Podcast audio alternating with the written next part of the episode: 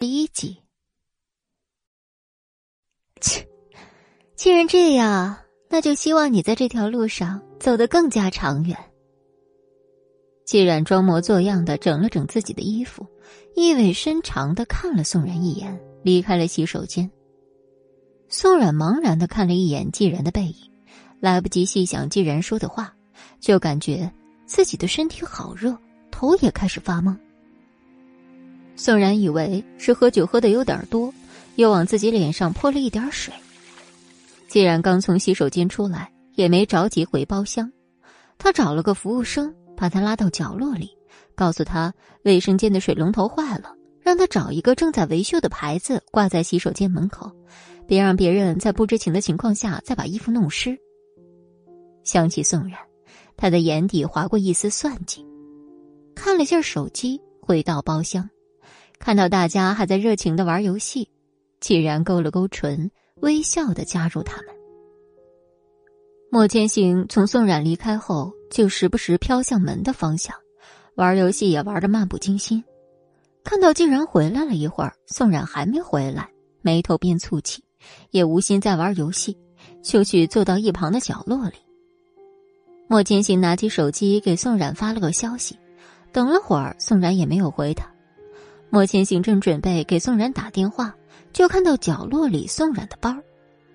莫千行皱了一下眉头，就立刻走了出去。热，好热。宋冉刚开始一直用水泼着自己的脸，后来连泼水也抑制不住内心的狂热。他想出去找莫千行，发现卫生间的门不知什么时候被锁上了。刚开始，他还一直拍门喊人。外面也没人听见，也没人给他开门。宋冉越来越没有力气，瘫坐在地板上。宋冉，宋冉，宋冉！莫千行这边找不到宋冉，也着急喊了起来。齐军从刚才看到莫千行出去之后，就感觉有点不对劲儿。现在听到莫千行着急喊宋冉的名字，就觉得事情更不对劲儿，几步走了出去。齐军看到莫千行着急的样子，就懂了，他也立马开始寻找宋冉。宋冉听到外面有人喊他：“我，我在这儿。”千行，我在这儿。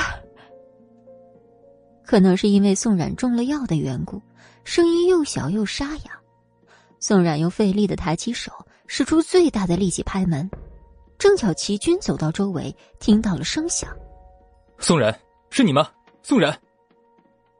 谢军走到门口，想开门，发现门被锁住了，就立刻找人去开门。莫千行听见这边的异响，立刻跑了过来。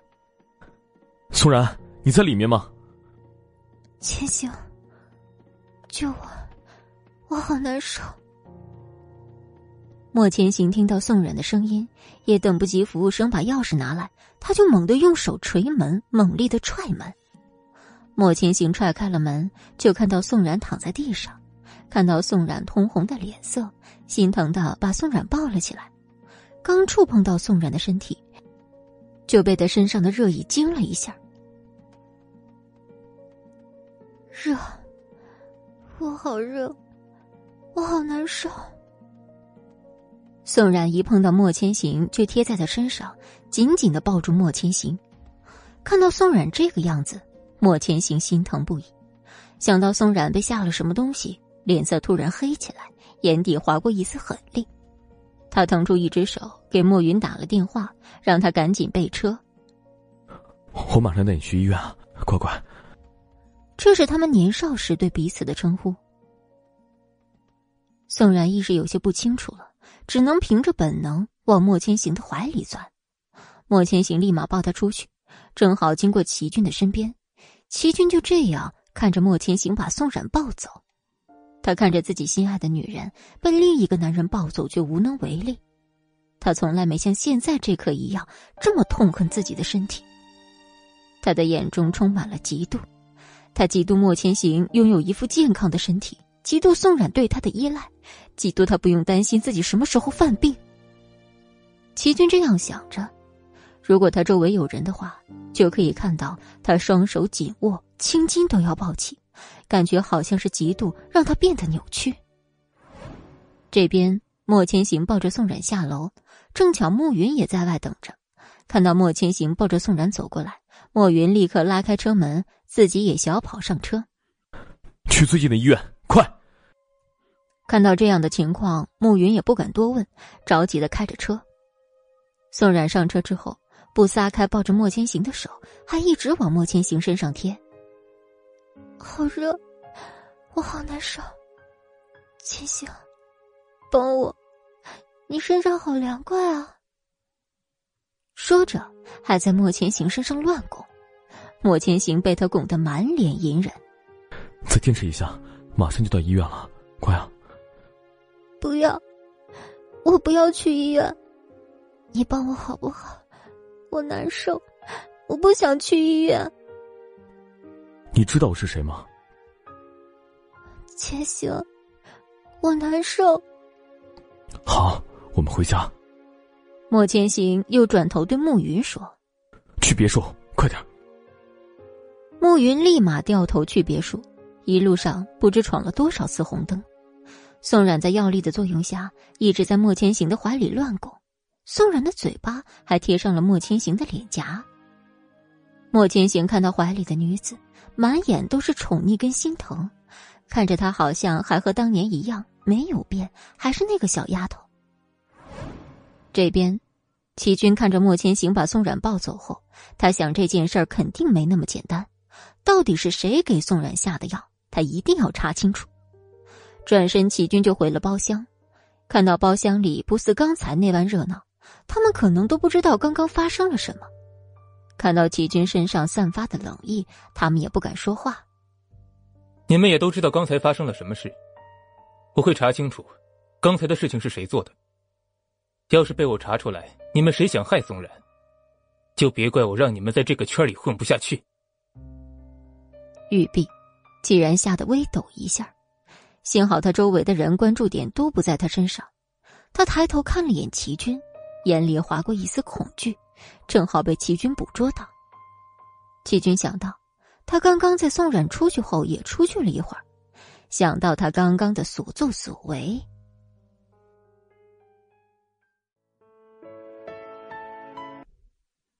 齐军瞥了他一眼，既然赶紧心虚的低下了头，看到他下意识的行为。齐军的眼睛眯了眯，划过一丝狠厉，心中也有了打算。他环视了一圈在场的人，看到宋冉遗落在沙发角落的包包，齐军拿到包包就离开了包厢。齐军走后，剩下的一群人都松了一口气，彼此相望，似乎都很疑惑，为什么会发生这样的事儿？一直没有参与进他们之间的蒋平安跟梁清柏对视一眼，狐疑的看了一下季然。看到他脸色惨白的样子，也有点明白了。蒋平安耐不住性子，直白的走到纪然面前，开始毫不掩饰的质问：“这件事儿是你做的吧，纪然？”“啊，怎怎么可能是我做的呢？我跟苏冉又没什么深仇大恨，你可别乱污蔑人。”“那你就祈祷最好不是你。如果让我查出这事跟你有关。”就算莫千行跟齐军他们会放过你，我也不会放过你。你别信口开河污蔑人了。现在的宋然还不知道蒋平安在给他出头，他还不知道蒋平安已经把他纳入自己人这边。梁清柏看到如此真性情的蒋平安，看着他的眼神逐渐变得复杂，看着形势不对的梁清柏逐步走到蒋平安身边，对周围的一众人饱含歉意的说。不好意思，他有点喝多了，我先送他回去了。玉璧，梁清白拉着蒋平安的手腕离开了 KTV。蒋平安有些不知所措的看着梁清白拉着自己的手腕，他也没反抗，老老实实的跟着他走。看着梁清白的背影，眼里充满了别样的情愫，心里也有种奇怪的说不出的感觉。蒋平安跟梁清白走后。既然心里更加惶恐，他低头思索，眼底满是恐惧，全身发抖，脸色也惨白。他觉得自己要玩完了，开始后悔自己的冲动，不该这么冲动的害宋然。万一他被直接查出，以莫千行的手段，他不敢想象。既然的脸开始冒汗，不，不能这样。既然眼珠子一转，想到了一个人。那既然这样，我也先走了。王导，你们好好玩。竟然陡然起身，别人也满脸异色的看着他。说着，既然离开了包厢，只剩下一群人不明所以。莫千行带着宋冉回去后，刚到家门口，莫千行就抱着宋冉疾步如飞的跑回房间。先生，宋小姐怎么了？王妈看到莫千行抱宋冉回来，也不知道发生了什么事儿，只看到宋冉的样子，充满担忧。发生了点事，王妈，你去煮点粥放着。煮好了，去休息吧。没事，不要上楼打扰。哎，好。莫千行对王妈安排好事儿，就抱着宋冉快速上楼。王妈虽然担心，但还是听从莫千行的安排，去厨房煮粥。莫千行把宋冉放在床上，想帮他换身衣服，但宋冉却不放开抱着莫千行的手。不，别离开我，我好难受，我好热。你帮帮我，好不好？宋冉被支配着身体，就是不撒开的抱着莫千行的胳膊。莫千行看着宋冉，眼中满是疼惜与爱怜。宋冉，你看清楚我是谁？你知道我是谁吗？阿谦，你是阿谦。宋冉睁开眼，微微眯着，撒娇的看着他，眼里是毫不掩饰的依赖跟信任，一如几年前。阿谦是谁？告诉我阿谦是谁？阿谦，我喜欢阿谦，可是我找不到阿谦了，我的阿谦不见了。说完，宋冉就嚎啕大哭，她哭起来像个娇气包，但还是很好看，嘴巴微微嘟着，等着被人安慰。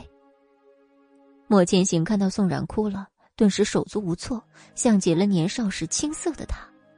虽然莫千行很不知所措，但刚刚宋冉的话也是对他的心怦然一击，让他想起他们年少时的模样。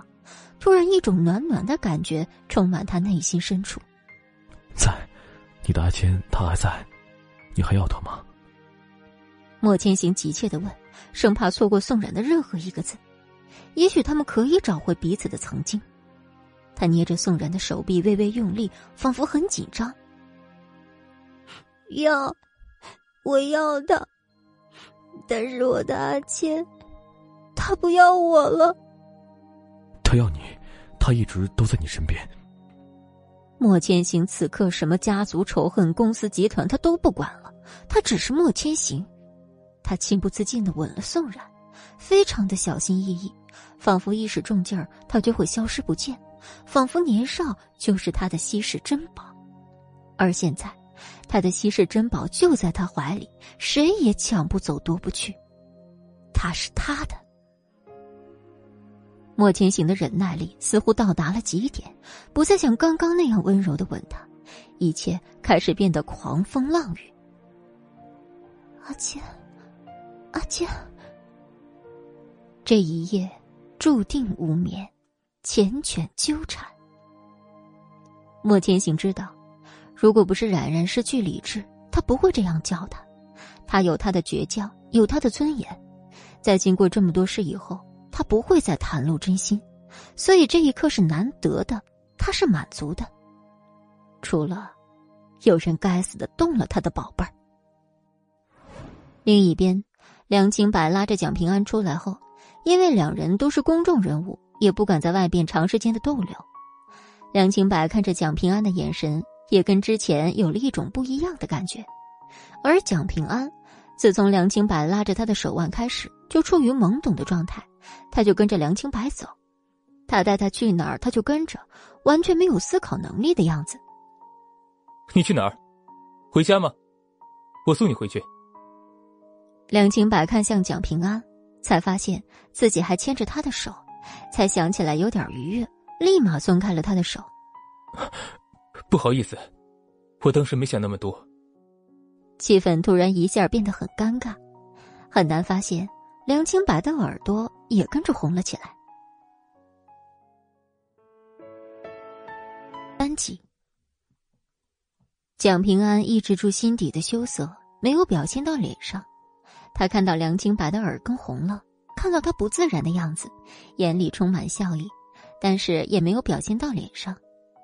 他看着梁清白飘忽的眼神，忽然觉得这个男人害羞的样子真好玩。你饿了吗？有点梁清白知道这是约他的意思，当然不会拒绝。那，你带我去吃东西吧，我喝酒了，不能开车。好，你想去吃什么？去吃烧烤吧，我很想吃，但很少有机会吃到。梁清柏没想到，蒋平安一个千金大小姐会想吃烧烤，他还以为他只会去那种高档餐厅吃西餐，出入高档酒店的那种，但绝对不会想到他竟然喜欢吃烧烤，这让梁清柏大吃一惊。走吧，我带你去个地方，那个地方的烧烤非常非常的好吃。那走吧。两人一路上有一句没一句的聊着，但也不觉尴尬，反而有一种很温馨的感觉。不一会儿，目的地到了，梁清白开口：“好了，到地方了。这个地方是我大学周围的一条小吃街，那家店。”是我大学几年最常来的一家，他们家烧烤的味道超级好，而且他们家的东西也很卫生。蒋平安环视了一下周围，发现周围大多都是大学生，没进入社会的他们都很单纯，脸上的笑容也很纯粹。他有多久没来过这么热闹的地方了？老板，三十串羊肉串，十串烤辣椒，二十串烤茄子，五串烤腰子。哎，好嘞。老板，再来两瓶啤酒。蒋平安看到这么热闹，也来了兴致，就大喊点了两瓶啤酒。反正他俩都刚回国没多久，国内也没有太多人认识他们。再说了，谁会想到两个大明星会跑来路边摊，一点不顾及形象的吃烧烤？哎，你刚刚都喝了多少酒了？还点酒？没事儿，我开心。我很久没来过这么热闹的地方了。你别喝酒了，你等会儿负责开车。我如果喝醉了，你可得把我安全的送回去。你对我这么放心啊？你就不怕你喝醉了，我对你图谋不轨？切，你是这样的人吗？好歹咱们也认识这么长时间了，你不会这么做的。你就这么相信我？你就不怕万一我做出点图谋不轨的事呢？您的三十串羊肉串，二十串烤茄子，十串烤辣椒，五串烤腰子。还有两瓶啤酒，齐了，不够再加啊！梁清柏调侃着蒋平安，老板就把烤串送了过来。哎，好的，谢谢你。哎，不客气。好了，刚刚在跟你开玩笑呢，赶紧趁热吃吧，尝尝他们家的烤串好不好吃。梁清柏看东西端上来，也不调侃了，赶紧让蒋平安尝一下这家店的烧烤。嗯。真的好好吃！蒋平安对梁清柏竖起了拇指。梁清柏看到蒋平安一点儿也不注意影响的样子，痴痴的笑了出来。他心想：这哪儿还有一点大小姐的样子，也没有一点女明星的自觉。人家别的女明星为了保持身材，高热量的东西一点都不吃，连碰都不碰。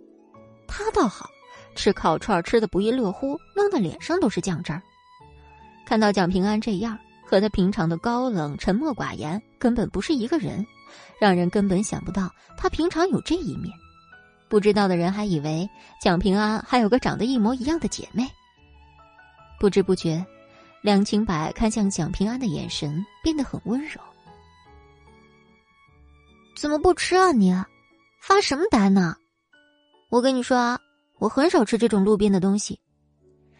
小时候，我是家里唯一的女孩。从小，我父母就不让我吃这些路边摊，因为他们觉得不卫生。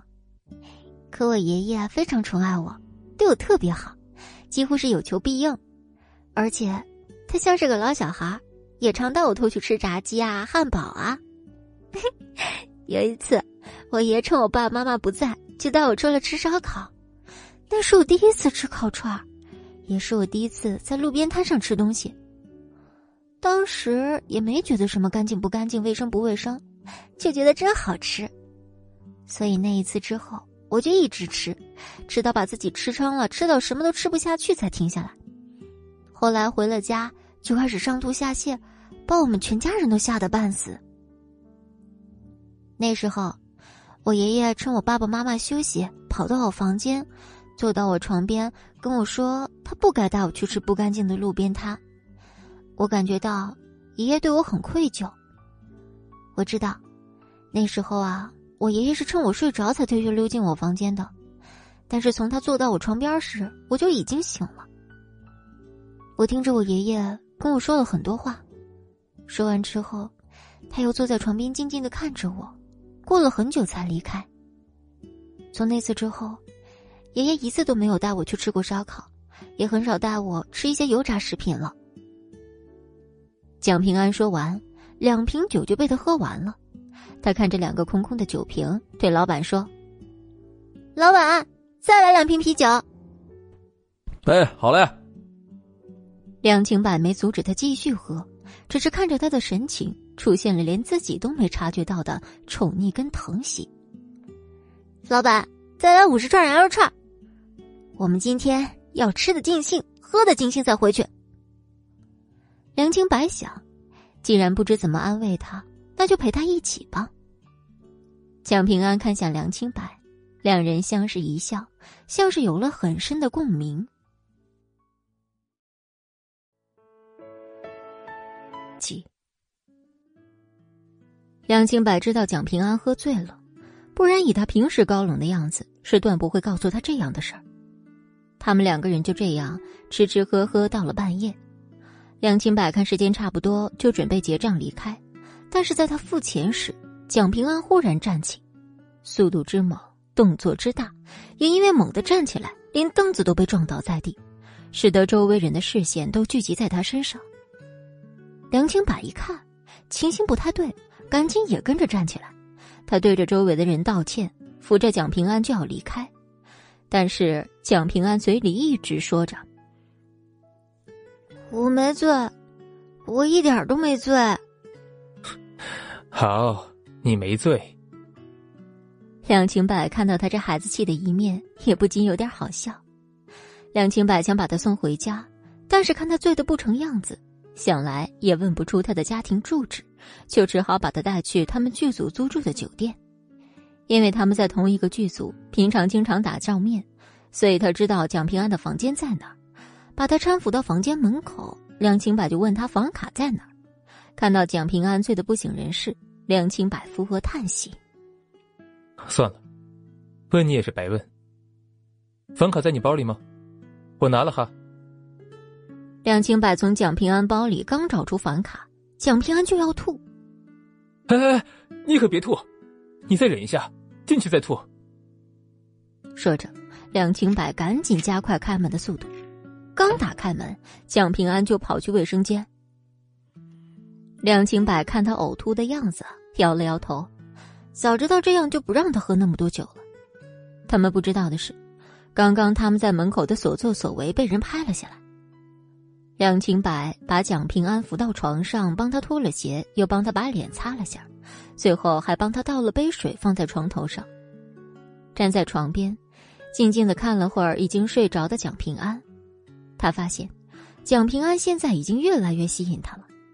他笑了笑，将蒋平安安置好以后，就回去自己的房间。齐军从 KTV 出来之后，脸色很黑，看着手中送染的包。想起莫千行抱他离开的样子，一直很恼火。他痛恨自己心脏不好，痛恨莫千行可以轻而易举抱走宋冉，更痛恨今天伤害宋冉的人。去查，把今天的事情都给我查清楚。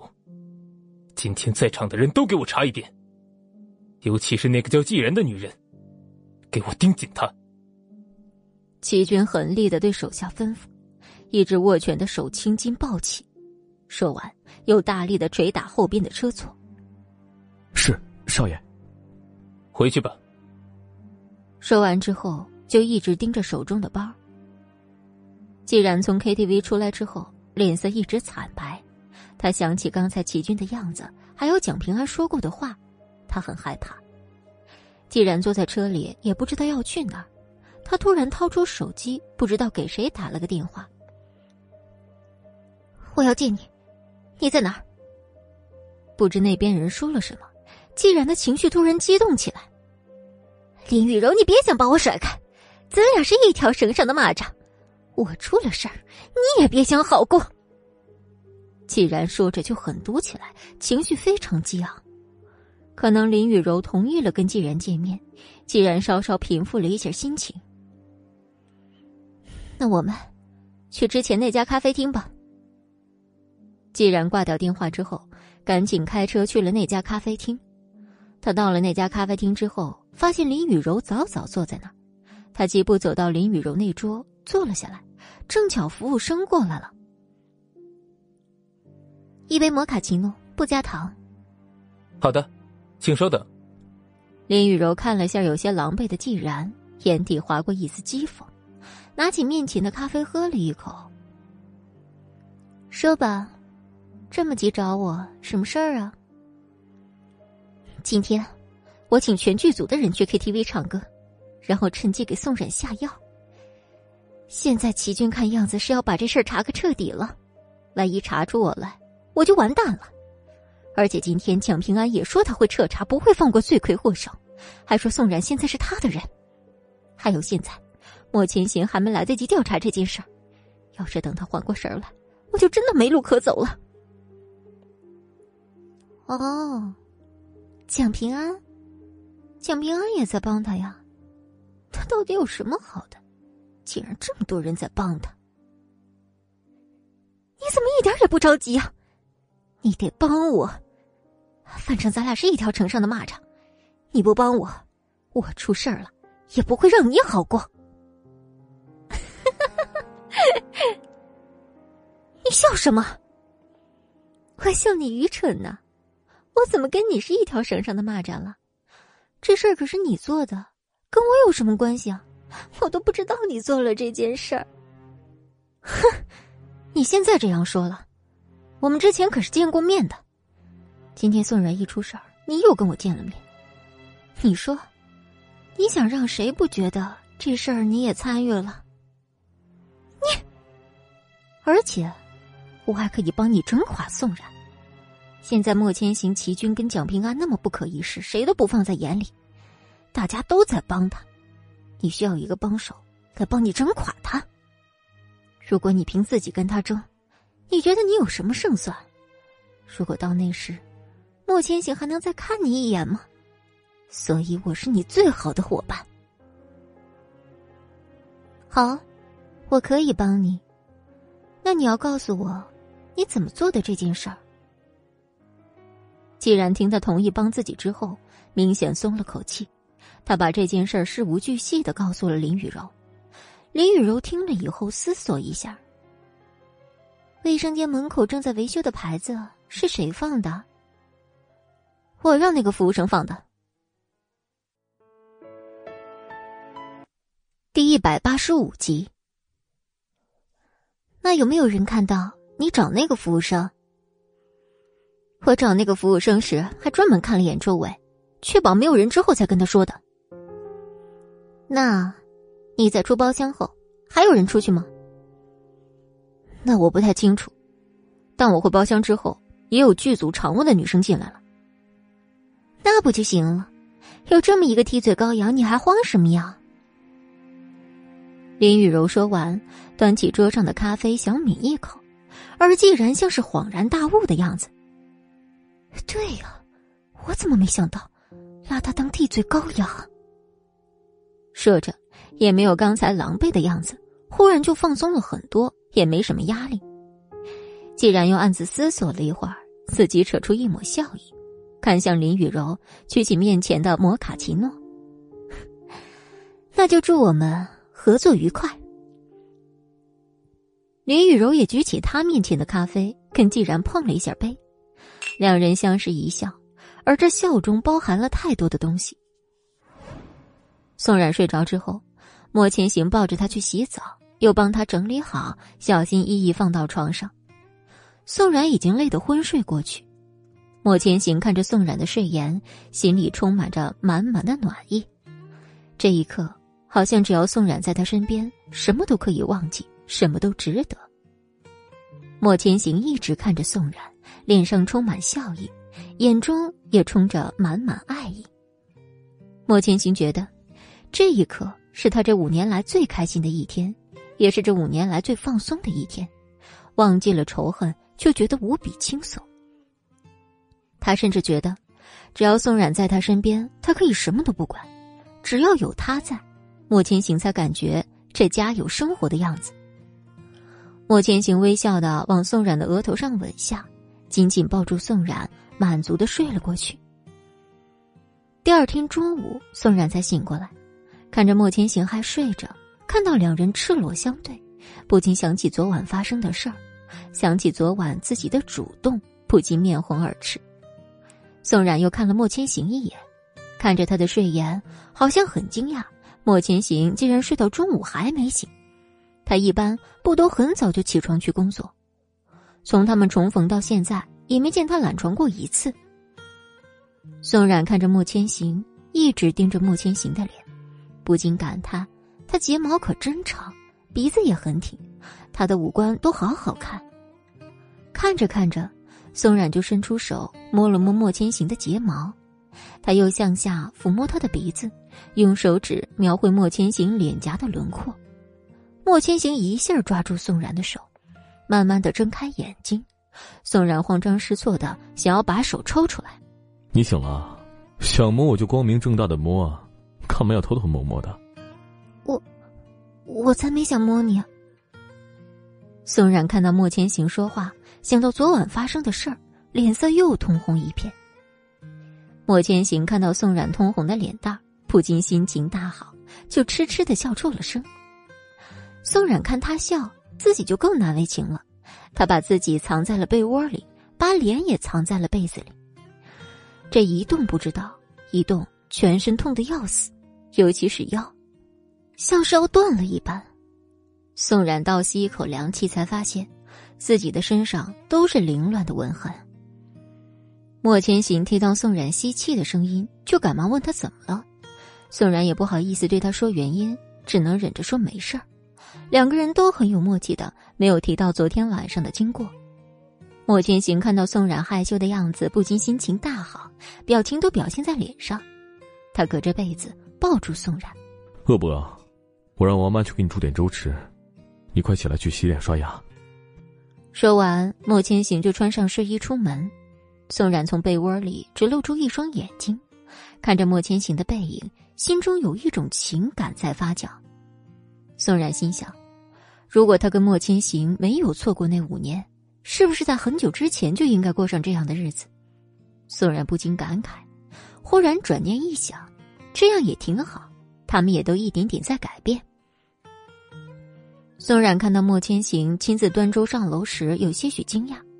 今天怎么这么体贴呢？怎么还没去洗漱啊？难道是想我抱你去啊？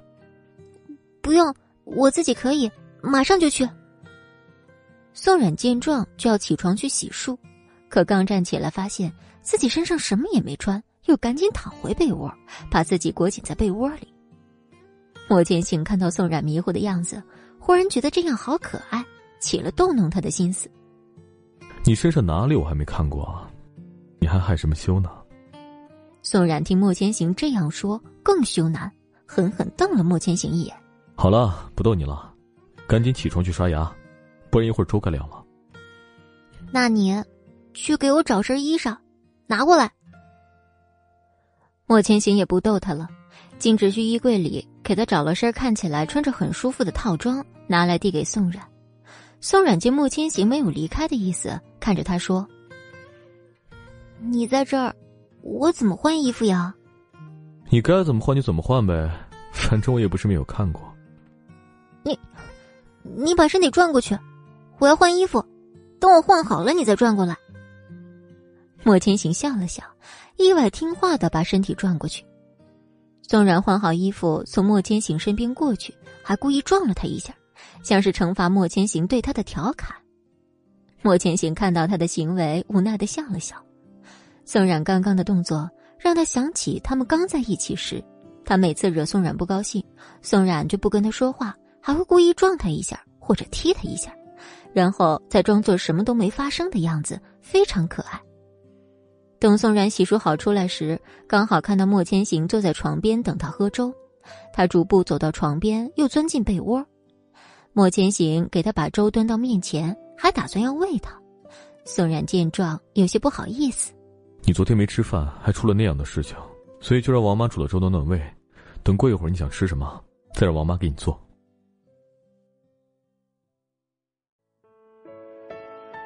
六集。莫千行忽然很正经的对宋冉解释，宋冉心不在焉的嗯了一声，他很想问莫千行，昨天到底是谁要害他，但是还不知道怎么开口，所以他就在低头思索，到底要怎么开口问他。等了一会儿，宋冉放下手中还盛了半碗的粥，非常认真的看着莫千行，想要开口，却不知从何说起。昨。昨天的事儿，到底是怎么回事？莫千行听到宋冉的询问，微微一愣，可能是觉得自己没保护好他，心里满是愧疚。昨天的事情，我已经让慕云去查了，如果查到是谁，我不会轻易放过他的。莫千行现在想想都害怕，如果昨天他没及时赶到，宋冉会发生什么样的事儿？想到这儿。宋千行就越来越冷冽，眼神也越来越狠厉。这件事情交给我来查好吗？你先休息啊。宋冉听完他的话，眼神也越来越复杂。宋冉听话的躺在床上，没有进入睡眠。他躺在床上思索，到底谁有机会、有理由对他做那样的事儿？宋冉想的头都破了，也没有想出究竟是谁要害他。可能是他太累了，想着想着，竟迷迷糊糊的睡了过去。莫千行看他睡着了，就起身去了书房。书房里，慕云正在那儿等着莫千行。查出来了吗？调查的怎么样？莫总，查出来一点线索，但可疑的是，不知道是有人蓄意破坏，还是监控本来就坏了。正巧前一天监控录像没有了，那就再查。把那天在场的人全部通通给我仔细的查，总会有一丝蛛丝马迹的。莫千行全身都散发着冷气，屋子里的温度都好像下降了好几度，但是暮云却不为所动，还很淡定平和的听着莫千行所说的话。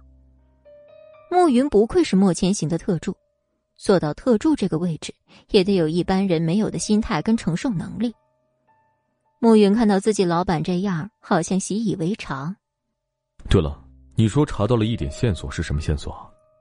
就是昨天宋小姐出包厢去卫生间之后，紧跟着季然小姐也去了一趟卫生间。过了一会儿，还有一位宋冉小姐同剧组的女生也去了卫生间。而既然小姐回 KTV 包厢后，那剧组场务的女生还没回去，等了很长一段时间才回去。把昨天剧组在场的人都给我彻查，尤其是季然。和那个场务女生。好的，老板。说完，暮云就离开了书房。宋然可能听到了外面的声响，就醒了。刚起床，打开卧室的门，就看到暮云雷厉风行，正想要离开。宋冉看他着急离开的样子，就赶紧喊住暮云：“穆特助，你这么着急忙慌的，是要干什么去啊？”“哦，宋小姐好，莫总让我调查昨天的事儿。”刚有点眉目，所以我要抓紧继续查下去。昨天的事儿，你查出了点什么吗？我只查出一点眉目，现在还不确定。那你能告诉我，你现在查出来的东西吗？这，宋小姐，昨天下午在你刚出包厢之后，既然小姐也跟着离开了你们的包厢，您进了卫生间，她也跟着进了卫生间。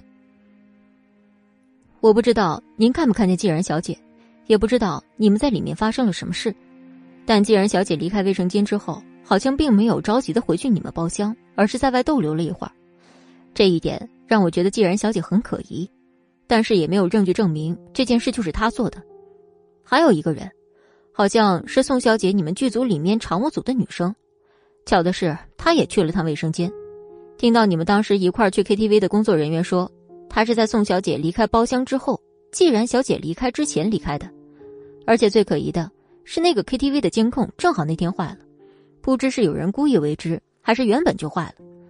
所以宋小姐，我还要继续去查。还有，宋小姐，你在离开 KTV 包厢之后，又吃了什么东西或者喝了什么东西吗？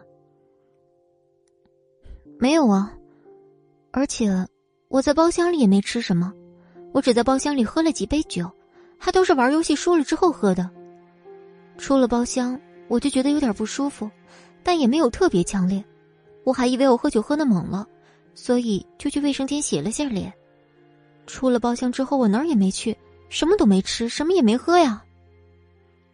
宋小姐，那最大的可能就是你在包厢里面喝的酒就被人下了东西。你还记得你周围的人都是谁吗？我不大记得清楚了，反正都是同一个剧组的。也没有特别去记周围人有哪些。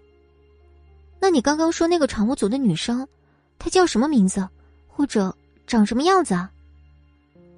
好像那个女生小小的，看起来很瘦弱的样子，头发刚及肩，好像叫叫杨杨新月，是她吗？对，好像就叫这个名字。宋冉闻言皱了皱眉头。他平常也见过那女生几面，他经常自己忙自己的，不忙的时候也是自己坐在角落里。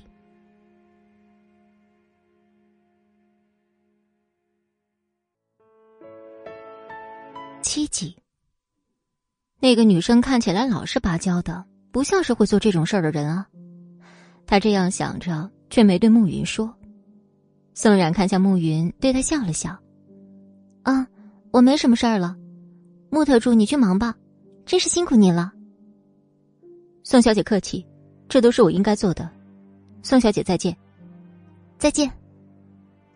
暮云转头就又步履匆匆的走了。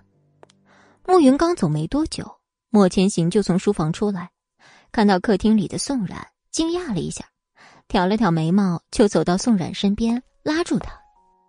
刚讨结一会儿，怎么又起来了？嗯，我有点饿了。就自己起来了。饿了怎么不叫王妈给你做饭吃啊？我正要叫王妈，你就出来了，我还没来得及喊她。王妈，赶紧去准备点饭菜，冉冉饿了。王妈听见先生在叫她，就赶紧去厨房准备饭菜。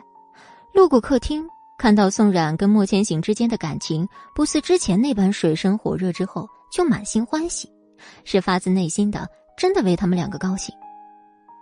王妈在厨房准备饭菜，宋冉跟莫千行就在客厅看电视。电视上其实也没放什么有意义的东西，他们两个只是播放一些泡沫肥皂剧，两人在客厅看得津津有味。过了大约半个小时之后，王妈准备好了饭菜，想叫莫千行和宋冉过来吃饭，但看到莫千行和宋冉两人依偎在一起看电视，不忍心打破这来之不易的画面，这样才有家的感觉。才有幸福的感觉。先生，冉冉，饭菜好了，可以过来吃饭了。宋冉跟莫千行听到王妈叫他们，立刻起来去卫生间洗手。等莫千行跟宋冉收拾好之后，坐在餐桌上，发现今天王妈做的菜都是他们两个喜欢吃的。谢谢王妈。宋冉发自内心的感谢王妈，因为王妈对他是真的好。从他爸爸出事儿、妈妈昏迷不醒之后，很少有人这样关心他。冉冉啊，干嘛这么客气啊？这不都是我应该做的吗？你喜欢吃就好。说完，王妈就进厨房收拾东西。宋冉看了一下坐在对面的莫千行，想要开口，却不知道怎么说。终于，他鼓起勇气开口说：“那个，我想明天。”去剧组拍戏，这么着急干嘛？在家休息几天再去吧。明天有我的戏份要拍，我今天都已经旷工了，明天是一定要去的。我已经帮你和王导请了好几天的假了，这几天都不会拍有你的戏份，你就安心在家里休息吧。反正我都没事儿了，而且在家待着也没事干，更无聊，还不如去剧组拍戏。我让你在家待着，你就在家待着，怎么这么不听话？你是想永远都不想出去拍戏了吗？莫千行冷着脸，全身散发着冷空气，脸色也不是很好。宋软一听他说的话就愣了：“你又想把我囚禁在这个别墅里吗？你这次又想把我关在这儿多久？一天，一个星期，一个月，还是一年？”我。莫千行今天对他这么好，对他这么体贴，他还以为他真的变了，变温柔了。原来他还是这么固执，只按照自己的意愿做事。宋冉现在觉得，他就像莫千行手中养的一个宠物，他开心了就逗你玩玩，你干什么都可以；他如果不开心，就把你扔到一边，甚至还会把你关在笼子里。宋冉不禁苦笑。是他把莫千行想得太过仁慈，他觉得他们俩的感情是真的变好了，原来是他在自以为是、自作多情了。宋人也不听他说什么，只埋头吃饭。等他把面前的一碗米饭吃完之后，就扯出一个比哭还难看的微笑，看着莫千行说：“我吃好了，我先上楼去了。这几天我都会好好在家待着，我希望过几天。”我可以出去工作，希望你说过的话还会算数。没等莫千行说话，宋冉就转身上了楼。而在他刚转身的一刹那，刚刚维持的笑容就没了。莫千行看着宋冉离去的背影，自己想起刚刚对宋冉说出来的话，不禁有些后悔。他明明不是那样想的，不知为什么会说出那样的话。他明明只是想关心宋冉，他想让宋冉多休息休息，不想让他太劳累。可是从他嘴里说出来，不知怎么就变了味道。虽然说他有点后悔对宋冉说出那样的话，但是宋冉刚刚对他说的话也很恶毒。难道他平时就这么看他的吗？他平时对他不好吗？莫千行越想越生气，正准备起身也要离开时。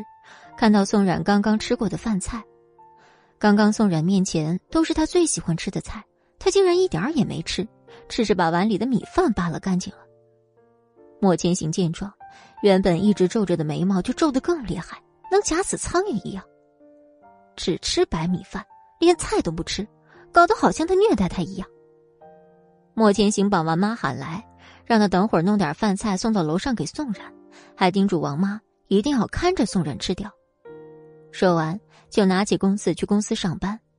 他很少迟到，不去公司的次数更少。他今天专门空出一天时间，想要陪宋冉，他竟还不领情。莫千行真是越想越生气。王妈看到莫千行离开的背影，无声的叹了口气。两个人明明刚刚还好好的相处非常好，这才吃顿饭的功夫就又闹了矛盾。他刚刚在厨房也都听到了。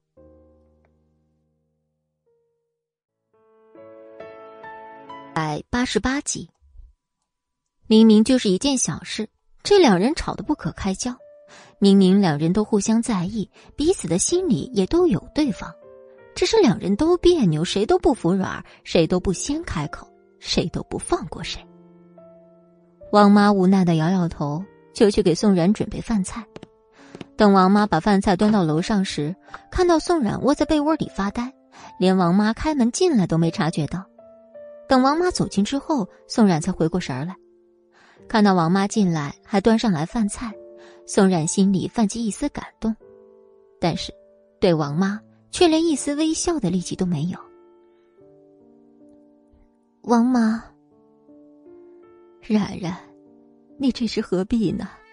先生他也是担心你的身体，可能他说的话是有一点过激了，但是我看得出来，他是真心的关心你啊。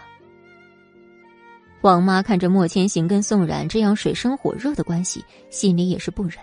她想尽可能的调节一下他们两人的关系。宋冉听着王妈对他语重心长的劝说，也没有回应王妈，而是自己低下头，不知在想什么。过了一会儿，宋冉抬头看向王妈：“我知道了，王妈，我会好好想想的。我累了，想休息了，你先下去忙吧。”好，那我先出去了，你有事再叫我啊。还有，把饭菜吃了，再怎么样也别跟自己身体过不去，身体好才是你的本钱。王妈看着宋冉固执的样子，也不好再说什么，在离开之前安顿了一下宋冉，然后转身就离开了。王妈出去以后，顺手关上房间的门，然后忧愁的叹息一声。心想，宋冉跟莫千行两个人都很固执，也不知道两个人什么时候才能和好。在王妈离开以后，宋冉忽然想到要跟齐军打一个电话，就下床在房间里找了一圈，也没找到自己的包包，才想起他的包包好像昨天落在包厢里没带回来。宋冉低头耷耳的再次回到床上，王妈刚端上来的饭菜他也没吃一口，躺在床上。不知道在想什么，可能是太无聊了，不一会儿就进入了梦乡。齐军从昨天在 KTV 出来之后，就让人去查了昨天的事儿。今天中午查出了一点眉目。齐军的手下给齐军汇报的内容和暮云查出来的内容差不多，但是比暮云厉害的是，齐军的手下查到当天晚上在他们剧组聚会的那个包厢周围上班的服务生。找到那服务生之后，询问很久才得知，洗手间门口那个正在维修的牌子是他放的。当时的情景是这样的：齐军让手下找到那个服务生，把他带到房间里询问：“你昨天下午是在欢乐时光 KTV 上班吗？”那服务生看到手下穿着黑色西装，还很严肃、不苟言笑的样子，服务生还以为自己惹到了什么大人物，吓得全身都在发抖。也不敢说话，不敢乱动。是是，我我昨天是是在那里上上上班。齐浩白，齐军的手下，他看向服务生，害怕的话说不利索，语气就没有刚刚那么严厉，放缓了对服务生说：“你不用那么害怕，我没有别的意思，就是想问一下你昨天下午都做了什么，有没有什么人找你？”好好的，你要问什么？我一定都都告诉你。虽然齐浩白告诉他不要那么害怕，可他之前没见过这样的场面，所以服务生说话还是颤颤巍巍的。昨天下午你是在欢乐 KTV 上班吗？是是的，我昨天下午和晚上都在那里上班。那你昨天在三楼 B 零九附近吗？是的，昨天我负责的区域就是 B 零一到 B 三零。那你昨天上班的时候？有没有发现什么异常？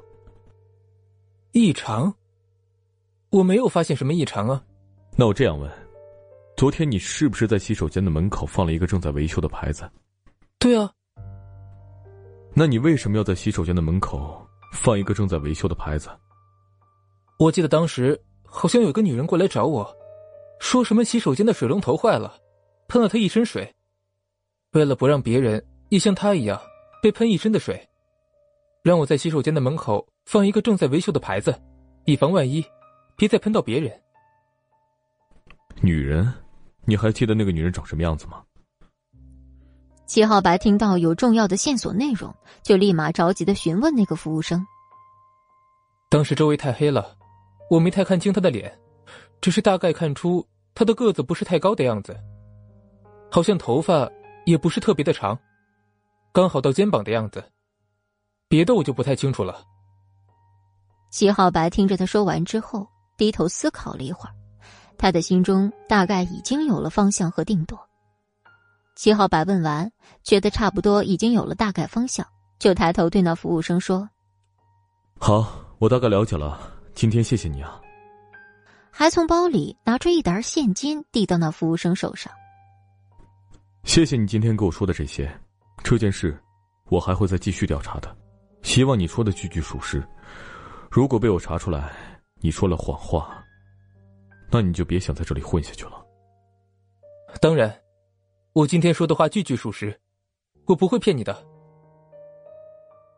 虽然不知道你今天说的话是否属实，但是还是要感谢你今天对我说的这些，也希望你说的是实话。七号白说完这些之后，就离开了包厢，只留下那个服务生一人。齐浩白没看到，那服务生在他离开之后，嘴角发出一抹让人看不懂的笑容。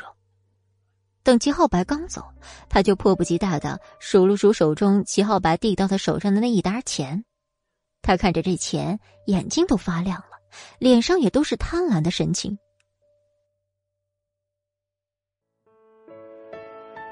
这九集，齐浩白走后，那服务生似乎跟刚刚唯唯诺诺的他完全不是一个人了。等那服务生数完手中的一沓钱，脸上的笑意就更深了。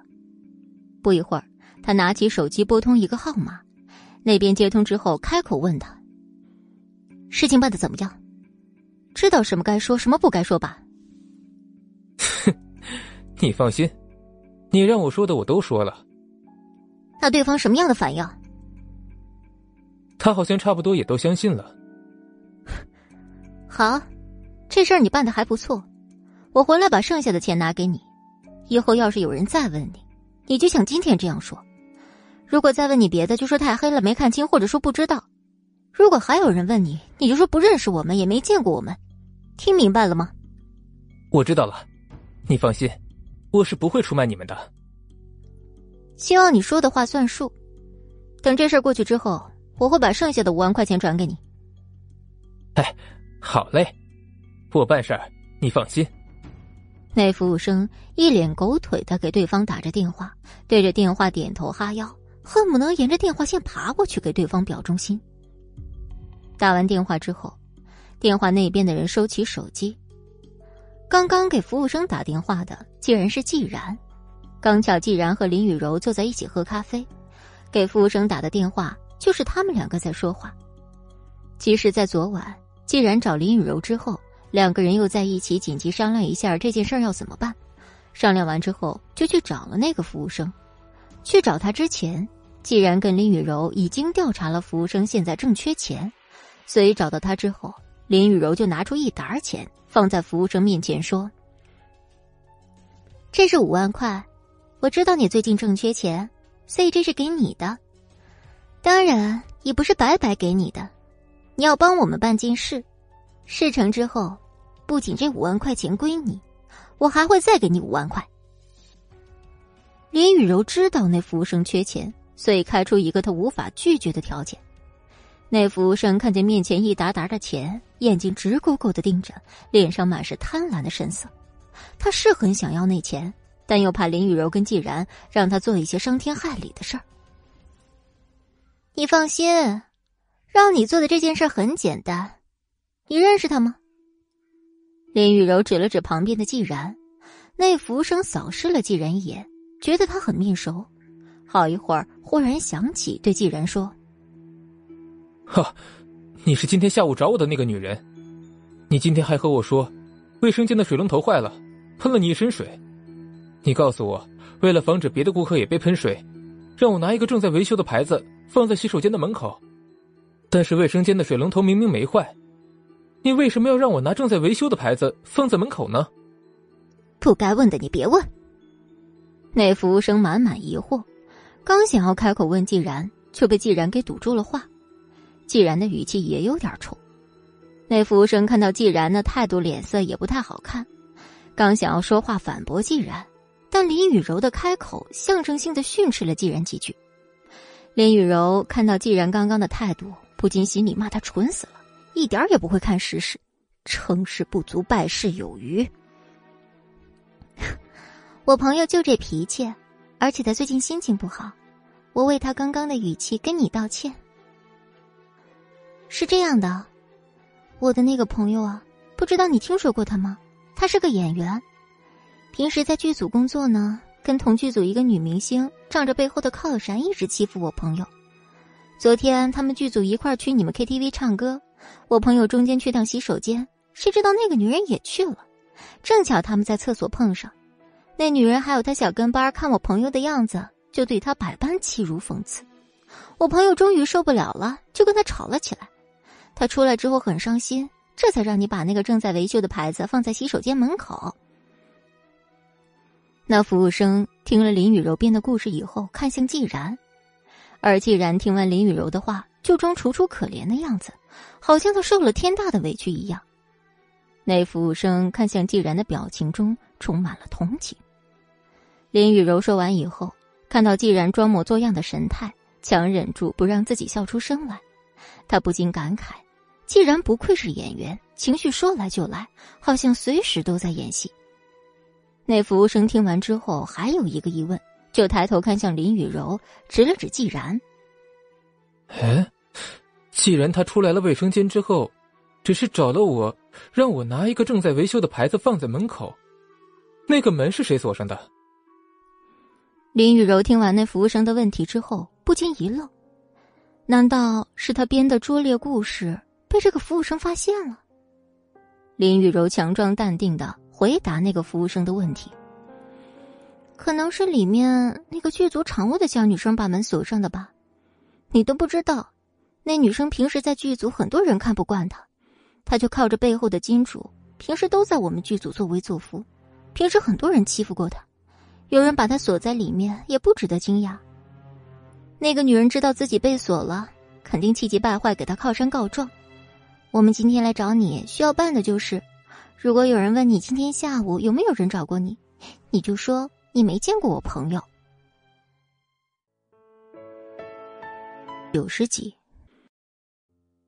你就跟他们说，今天下午有个女生找过你，但那女生不是他。林雨柔指了指季然，哎，你们剧务组那个女生的照片，你拿出来给她看看。既然听完林雨柔的话，就从包里拿出手机，在相册里翻找，幸好之前有一次剧组聚餐拍了合影。既然把那张照片找出，递到服务生面前。林雨柔看既然拿出照片给那个服务生看，就开口对服务生说：“如果以后有人问你今天下午的事儿，你就据实说，但是把找你的人换成照片里这个女生。以后如果有人问你啊。”你就说你见的是照片里这个女生。你先看看照片，记住她的特征、身高跟长相。林雨柔话刚结束，那个服务生就着急谄媚的对林雨柔说：“好了，我懂了，我知道该怎么说了。”林雨柔看他那谄媚贪婪的样子，从心底对他不屑一顾，嗤之以鼻，但是他并没有表现出来。既然你都懂了。那就希望你能把这件事办好。”林雨柔说着，把面前的五万块钱往那服务生面前推了推。等你完美办了这件事后，我把剩下的五万块再给你。我知道了，我一定好好办。那服务生看到那沓钱之后，眼睛就直盯着那沓钱看，眼中充满贪婪，对林雨柔点头哈腰的说：“林雨柔说完之后，就拉着季然离开了。”出去了之后，既然看向林雨柔，忽然心中松了口气。林雨柔像是感觉到季然的视线一般，也转过去看了季然一眼，正好对上季然的眼睛，两人相视一笑。而另一边，齐军在听他手下齐浩白给他汇报刚刚调查到的消息。少爷，我刚刚查到昨天那件事情，最大的嫌疑是宋小姐他们这个剧组里场务的那个女生，那个女生的名字叫杨新月。因为在事发那天，宋小姐出了包厢之后，杨新月跟着出了包厢。可能我们当初没有太在意她，关注点都在既然小姐的身上，只觉得既然小姐和宋冉小姐他们两个之间有矛盾，所以我们就侧重查了既然小姐，发现既然小姐好像和这件事并没有什么关系。我今天又调查了一下那个叫杨新月的女生，发现她自从宋冉小姐一进剧组之后，就对她有了敌意，也不知道到底是什么原因。但是今天的事情很有可能和杨新月有关。齐浩白把他调查出来的事儿一五一十的告诉了齐军。齐军听完之后就一直在沉思。杨新月，杨新月，他有什么来历或者什么背景吗？我调查过了，那个杨新月并没有什么背景，但是好像他和这部剧原本的女二是好朋友的关系，因为最后宋冉小姐做了这部剧的女二。把原本定下那个女儿给顶了下去，那个杨新月可能是帮他的好朋友打抱不平吧，还替人家打抱不平，他有什么资格？齐军听了齐浩白的话，对杨新月的行为跟想法感到非常生气，但话锋一转，问齐浩白：“冉冉今天有没有去剧组？”“没有，宋冉小姐今天没有去剧组。听王导说，宋冉小姐请了好几天的假，但是不是宋冉小姐本人请的，好像是莫千行给她请的。”齐军听到齐浩白的话，愣了一下，但也在他意料之中。以莫千行的性格，肯定不会让宋冉这么快去工作的。齐军看向沙发一角，那里放着昨天他从 KTV 包厢拿来的宋冉的包，宋冉的手机也在里面。他只知宋冉的手机号，现在宋冉手机在这儿，所以他不知道要怎么联系他。他很想知道宋冉现在怎么样了，他担心他。他也很想把调查出来的结果告诉宋冉，他知道宋冉会有自己的想法，所以这件事儿他想交给他自己去解决，他想让他自己去决定怎么处理杨新月这个人。想到这儿，齐军就非常生气，明明昨天是他先找到宋冉的，最后却被莫千行捷足先登把宋冉抱走了。第二天，蒋平安醒来。发现自己正在剧组租的那个酒店房间的床上，刚醒来，他感到头阵阵刺痛，而且嘴巴很干燥。他想下床去喝杯水，刚要坐起来，却发现自己床头的桌子上面有一杯白开水，他直接拿起来喝了。等他喝完之后，发现自己还穿着昨天的衣服，他这才想起昨天发生的事儿，想起 KTV 出来之后，他尝着凉青白，想要他带自己去吃路边摊。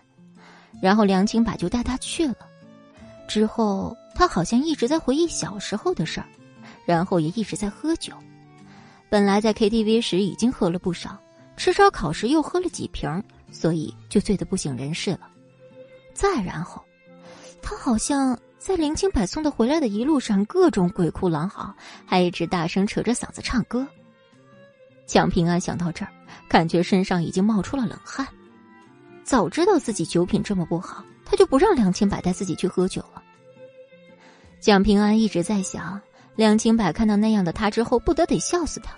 而且她还是个女明星，要是被人知道她喝完酒之后就耍酒疯，他还不得被人嘲笑死，还得被全网的网民 diss。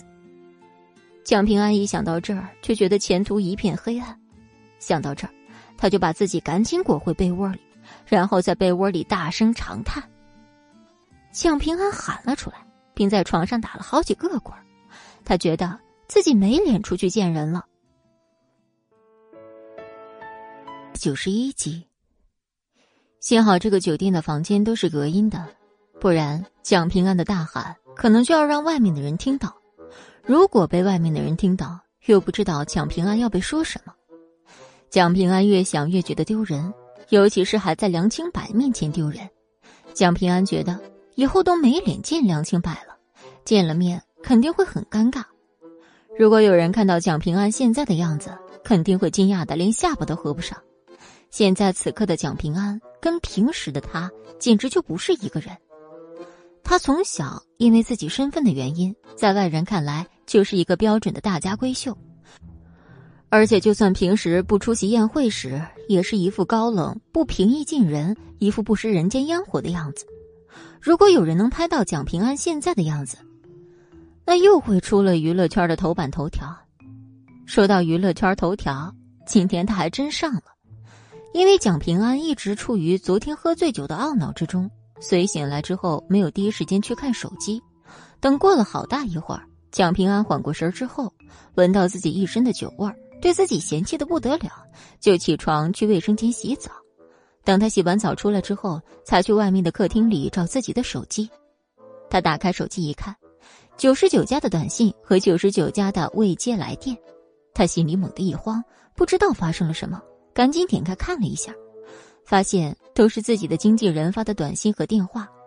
他的经纪人让他看到消息就给他回个电话。蒋平安一看最近的一条消息和未接来电，竟是五分钟前，他吓了一跳，因为他不知道发生了什么。就赶紧给他的经纪人回了一个电话，蒋平安刚打过去，响了一秒钟，他经纪人那边就已经接起，接电话的速度让蒋平安砸舌，速度快的让蒋平安以为他的经纪人就抱着手机在等他的电话。早啊，亚楠姐，你这么想我，大清早的给我打这么多电话。蒋平安装作很轻浮的对他的经纪人田亚楠开玩笑。蒋平安有心情开玩笑，电话那边急得跟热锅上的蚂蚁一样。到现在你还有心情开玩笑？你今天又上热搜了，你知道吗？蒋平安听到田亚楠说的话，不禁有些好笑，就觉得他经纪人未免有些大惊小怪。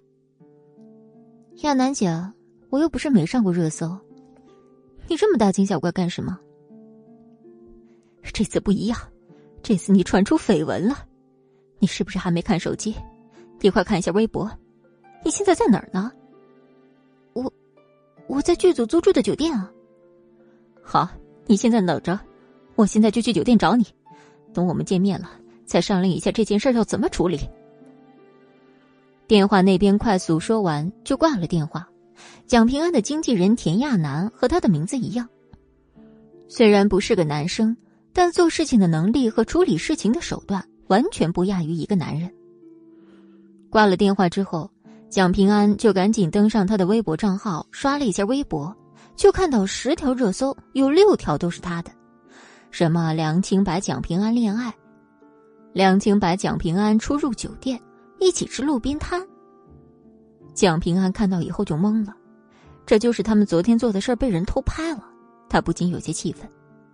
蒋平安再往下刷微博，发现一个自称是知情人士的爆料。这个自称知情人士说：“我昨天晚上同事聚餐，聚完餐之后一起去了 KTV 唱歌。我因为有事就提前走了，刚走到地下车库准备开车的时候。”就看到一个男人拉着一个女人的手腕，也来到了地下车库。我当时就觉得那两个人，男的长得挺帅的，女的长得也挺好看的，就多看了两眼。而且那个女人好像还有点喝醉了。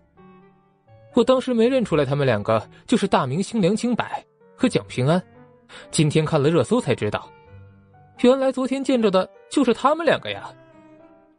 蒋平安点开一看，发现已经有很多人评论他，还艾特了蒋平安跟梁清白。蒋平安看到之后，感觉有点上头。蒋平安发现有条评论已经被顶到了第一条，那条评论说：“我是 A 城音乐学院的一名学生，我们学校边上有条小吃街，昨天正好我跟室友出去吃烧烤，就坐在梁清柏跟蒋平安旁边，因为当时没太注意旁边的人，就没发现他们俩。”只是后来那女的有点喝多了，忽然大叫一声，惊到我们了。我一看，哎呀，这不是梁清柏吗？他也是 A 城音乐学院毕业的，老师经常把清柏师兄当成一个正面的成功案例给我们讲，所以我一眼就认出他。我们原本打算去跟师兄要个签名、合个影，但是看到师兄一直在照顾蒋平安前辈，蒋平安前辈一直在说着什么。嗯，师兄非常有耐心，一点也没耐烦，特别宠溺。我跟我同学都没好意思上前打扰他们，就一直看着他们俩互动，真是甜死人了。我们被好好喂了一把狗粮。下面还有不少人回复说：“这是什么神仙爱情啊？干了这碗狗粮，这对 CP 我磕了。”景平安继续往下翻，发现所有的评论都是祝福在一起很甜、郎才女貌之类的评论。看得蒋平安心里升起一阵恶寒。五十二集，这都什么跟什么呀？蒋平安心想，他们就一块出去吃个饭，怎么就被写成这样？蒋平安不得不佩服这些网友的想象能力，不禁心里感叹：这一届网友不好带呀。蒋平安就窝在沙发上刷着微博，等待他的经纪人。而那边，宋然醒了以后找不到自己的包和手机，就只能下楼去使用家里的座机。也幸好莫千行没在家，宋冉才能下楼用座机给齐军打电话。幸好宋冉很久之前就记住了齐军的电话号码，他拨通齐军的电话之后，刚响一声就被接起。喂，齐军，我想给你打个电话报个平安。我包包和手机不知道被我丢哪儿了。冉冉，你怎么样？你现在没事了吧？齐军，我没事儿，你先别激动，我就是又被莫千行囚禁了几天而已。囚禁？他怎么又囚禁你啊？他没对你怎么样吧？要不要我救你出去？啊，不用不用，我就当休息几天了，正好我还能去看看我妈妈。啊，那好吧，那你注意身体，好好休息。嗯，好的，你也注意休息。啊，对了，冉冉，我刚刚想起来，你的包在我这里。那天你被莫千行抱走之后，我又回了那个 KTV 的包厢，拿出了你的包。是吗？那真是太好了！我今天还没找到包，急死了。我身份证什么的都在包里，如果包在你那儿，我就放心了。那需不需要我把包给你送过去？不用，反正我现在也用不着。等到我什么时候人身自由了，你再拿给我吧。那好吧。行，我不能跟你说了。如果让莫千行知道我在给你打电话，他又要发脾气了。好，那你照顾好自己。如果有事就给我打电话。好，拜拜。说完，宋冉就挂上了电话。齐军看着又被宋冉先挂掉的电话，无奈的笑了笑。最起码他还是第一时间给他打了电话，这样他就已经很知足了。宋冉挂掉电话后，就窝在沙发里，因为又不是第一次被关在别墅，他倒也不像之前抵抗的那么厉害。忽然觉得有一种莫名的熟悉感，因为没有手机，就只能打开电视。王妈，能帮我拿条毯子过来吗？王妈听到宋冉在叫她，赶紧跑过去房间拿了一条毯子过来。看宋冉窝在沙发上看电视的样子，不禁欣慰的笑了笑。王妈就觉得。宋冉这也算是苦中作乐吧，也不像之前那一次那般又哭又闹。王妈拿着毯子，赶紧给宋冉盖上。冉冉，好好休息，别感冒了。嗯，谢谢王妈。王妈看到宋冉怡然自得的样子，心中也为宋冉满怀高兴。看到他淡然的样子，王妈也没说什么，转身就离开客厅去厨房忙了。宋冉看着王妈准备离开，连忙开口叫住王妈：“王妈，家里还有零食吗？薯片、坚果之类的？”“有，都有。你等着，我去给你拿。”“好，谢谢王妈。”莫千行晚上回到家时，正巧看到这一幅画面，脸上的棱角似乎都变得柔软起来。莫千行心里也流过一丝莫名的悸动，他知道。从前，宋冉最喜欢窝在沙发上吃零食、看电视，这是他最放松的状态。但是自从他们两个重逢后，每次见面几乎都要剑拔弩张、针锋相对，还从来没有好好的坐在一起吃过一顿饭。能一下班就看到这样的宋冉，也已经很难得了。莫千行现在内心非常雀跃，似乎已经忘了上午他们刚吵过架。宋冉看到莫千行回来。就立马上前接下他手里的公文包，然后看着莫千行笑着说：“你回来了。”莫千行看着宋冉这一系列的举动，好像中午他们吵的架压根不存在似的。莫千行忽然仿佛有了一种老夫老妻的感觉。宋冉跟莫千行两个人很默契的没有提及吵架的事儿。莫千行见宋冉难得一见的温柔，就伸手抱住了他。宋冉想要伸手推开莫千行，但是想到他们两个人的关系才刚刚缓和一点宋冉就把准备推开莫千行的两只手放了下去。好了，王妈已经准备好饭菜，我们去洗手吃饭吧。好啊，我们一起去。莫千行就拉着宋冉的手去洗手间。等莫千行和宋冉坐在餐桌上时，莫千行还一直握着宋冉的手。宋冉看着这么孩子气的莫千行。心里划过一阵无奈。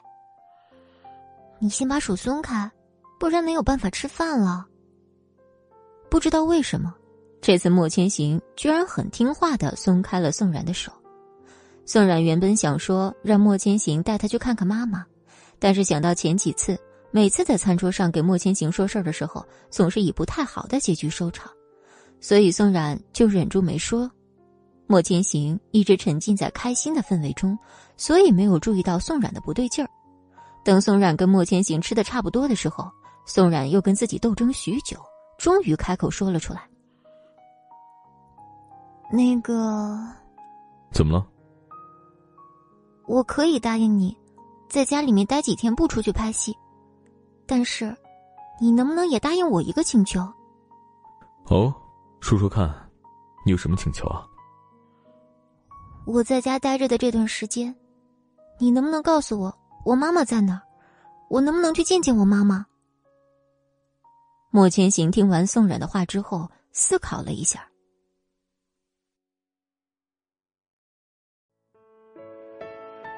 三集，莫千行想想，宋冉确实已经很长一段时间没有见过他妈妈了。就点点头，同意了宋冉刚刚的话。宋冉见莫千行同意之后，开心的都要跳起来了。刚想要开口说话，就又被莫千行一盆冷水浇灭了原有的热情。莫千行看着宋冉高兴的样子，接着说：“我虽然同意了去看你妈妈，但是我还有一个要求，就是你这几天必须得好好的表现，表现的好了，你才能去看你妈妈。”这话说的，答应了跟不答应一样，还不如直接说不答应呢，省得我白高兴一场。莫千行看着宋冉小声嘀咕的样子，抑制不住的笑了笑，然后转身就上楼了。宋冉看着莫千行上楼的背影，装模作样的在空气中比划着打莫千行的样子，最后还对莫千行的背影翻了个白眼。宋冉虽然对莫千行提出的要求不满。但是他也没有什么别的办法，只能好好遵守莫千行的要求，好好表现。宋冉想着想着，忽然转身走向厨房，在里面冲了一杯咖啡端出来，想要送给书房里的莫千行。宋冉走到书房门口，敲了一下门，也没等莫千行回应，直接端了进去。进去之后，宋冉看到正在忙着看文件的莫千行，就疾步走了过去。把泡好的咖啡放到莫千行面前，然后故意说：“莫总辛苦了，请莫千行先生喝杯咖啡提提神儿。”这是你亲手泡的？是啊，全都是我亲手泡的，请莫总慢慢品尝。我先出去了。莫千行看着宋冉离开的背影，无奈的笑了笑。最终，宋冉还是出去看望了他的妈妈。宋冉见到他妈妈还是老样子，还是依旧的昏迷不醒，每天只能靠着输营养针度日。宋冉走进他妈妈的病床边坐了下来，然后握住宋妈妈的手放在她脸上。妈妈，我太久没来看你了，你是不是都生我的气了？妈妈，我现在很厉害，我现在做了我以前最喜欢做的事儿，就是唱歌。而且我还在拍戏，都成为一个演员了。你一定要赶紧醒来，醒来之后，就能看着我演戏，演的好不好？妈，你一定要快点醒来。爸爸不在了，我就只剩下你了。你在，我就尚有来处；你不在。我就只剩去处了。你不要把我丢下，我真的只剩你了。宋冉越说越伤心，眼泪止不住的往下流。宋冉在病房里静静的看了一会儿他妈妈，然后外面忽然有人推门进来，那人一见宋冉愣了下，然后开口对宋冉说：“你好。”我是莫总请来照顾宋阿姨的护工，我叫李依然，你可以叫我依然，也可以叫我冉冉。你好，我是他女儿，我叫宋冉。之前莫总说你很忙，没时间照顾宋阿姨，今天不忙吗？怎么有时间过来了？啊，哦，啊是啊。宋冉听完李依然的话之后愣了下，他不知道，原来莫千行在外是这样告诉别人的。心里不禁一股一丝感动。李依然看着宋冉脸上闪过一丝尴尬和疑惑，立马换了个话题：“宋阿姨虽然一直昏迷不醒，但我每天都给她按摩，所以宋阿姨的状态还是很好的。”你是每天都来给我妈妈按摩吗？是啊，每天都会按，上午两个小时，下午两个小时。那你能不能教教我怎么按摩？我想给我妈妈按按，我平时也没有多少时间在她身边照顾她。好呀，你给宋阿姨按摩，她肯定会高兴的。接着，李依然就教了宋冉一些技巧，还教她该按哪儿。李依然看宋冉学的有模有样，之后就出去帮宋冉买饭了。等他回来后，看到宋冉正在给宋母按摩小腿，就连忙叫他来吃饭。依然，我们能不能加个联系方式？我妈妈有什么事儿，你能不能打电话告诉我？我可能以后没有时间常来看我妈妈。好呀。随即，宋冉跟李依然两人就交换了联系方式。吃过饭之后，宋冉又跟李依然询问了一些宋母的情况，不知不觉又在病房里待了大半个下午，才准备离开。我得先走了，谢谢你一直照顾我妈妈。辛苦了，我妈妈要有什么事儿，你就给我打电话，我妈妈就麻烦你了。宋冉跟李依然说完之后，就趴在宋母身边抱了她一下，并且在她耳边说：“妈妈，我该回去了，你好好休息，等以后只要我一有机会，就会来看你的。”那好吧，依然，我先走了。好，那我送送你。说完，李依然就要送宋冉离开，他们两个人转身离开了病房。就在两人刚刚关上门时，宋冉母亲的手指动了动，眼里还流出一滴泪水，但是这一情景谁都没有看到。宋冉离开后没有立马回家，而是去商场转了一圈。马上就是莫千行的生日，他想给莫千行买个礼物，因为不知买什么礼物，宋冉就一直在商场里转。最后，宋冉也没有买成，因为他转了一圈又一圈，也没发现适合他的东西。哟，这不是宋冉吗？怎么伺候好金主，跟你前来逛商场了？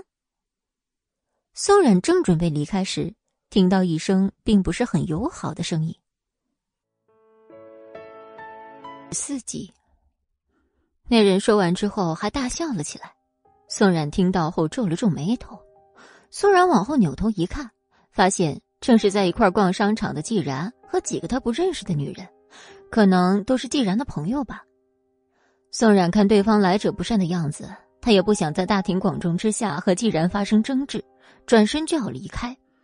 但是既然似乎没有要放过宋冉的样子，既然看宋冉转身准备离开，立马更大声的叫住宋冉。似乎却是想要吸引更多人来围观。宋冉，你跑什么呀？咱俩好歹也在同一个剧组拍戏，见面打个招呼都不行啊！这要是让狗仔拍着了，还让人家以为咱们剧组女演员闹不和呢。既然这么一喊，立马吸引了更多的人来围观他们，也有很多人认出了季然，可能是因为宋冉刚刚进娱乐圈。还没有比较好的代表作，所以并没有很多人认识宋冉。但既然已经出道好多年，也有被观众认识的作品，所以有很多人认识季然。有些人一看到明星，纷纷拿出手机拍照。宋冉听到季然的话，思考了一下，觉得他话里有话，就冲别人看不到的地方翻了个白眼儿，然后转过身去。原来是季然前辈，你也在逛商场啊？刚刚我都没看见你，你跟你朋友一起逛啊？那我就不打扰您了，你好好逛，慢慢逛，我就先回去了。宋冉一口气把话说完，说完就准备转身离开。既然看宋冉要逃跑的样子，急忙喊住了他：“嘿，冉冉，既然碰到了，就一起逛逛嘛。我看你也是自己一个人，不如跟我们一起吧。你一个人也怪无聊的。”人多一点热闹呀！不了，既然前辈，我原本也没想买什么东西，我这都准备回去了，怕打扰你们的兴致，你们接着逛，我就先走了。哎呦，这么着急回去干嘛呀？不会是想回去伺候你的金主吧？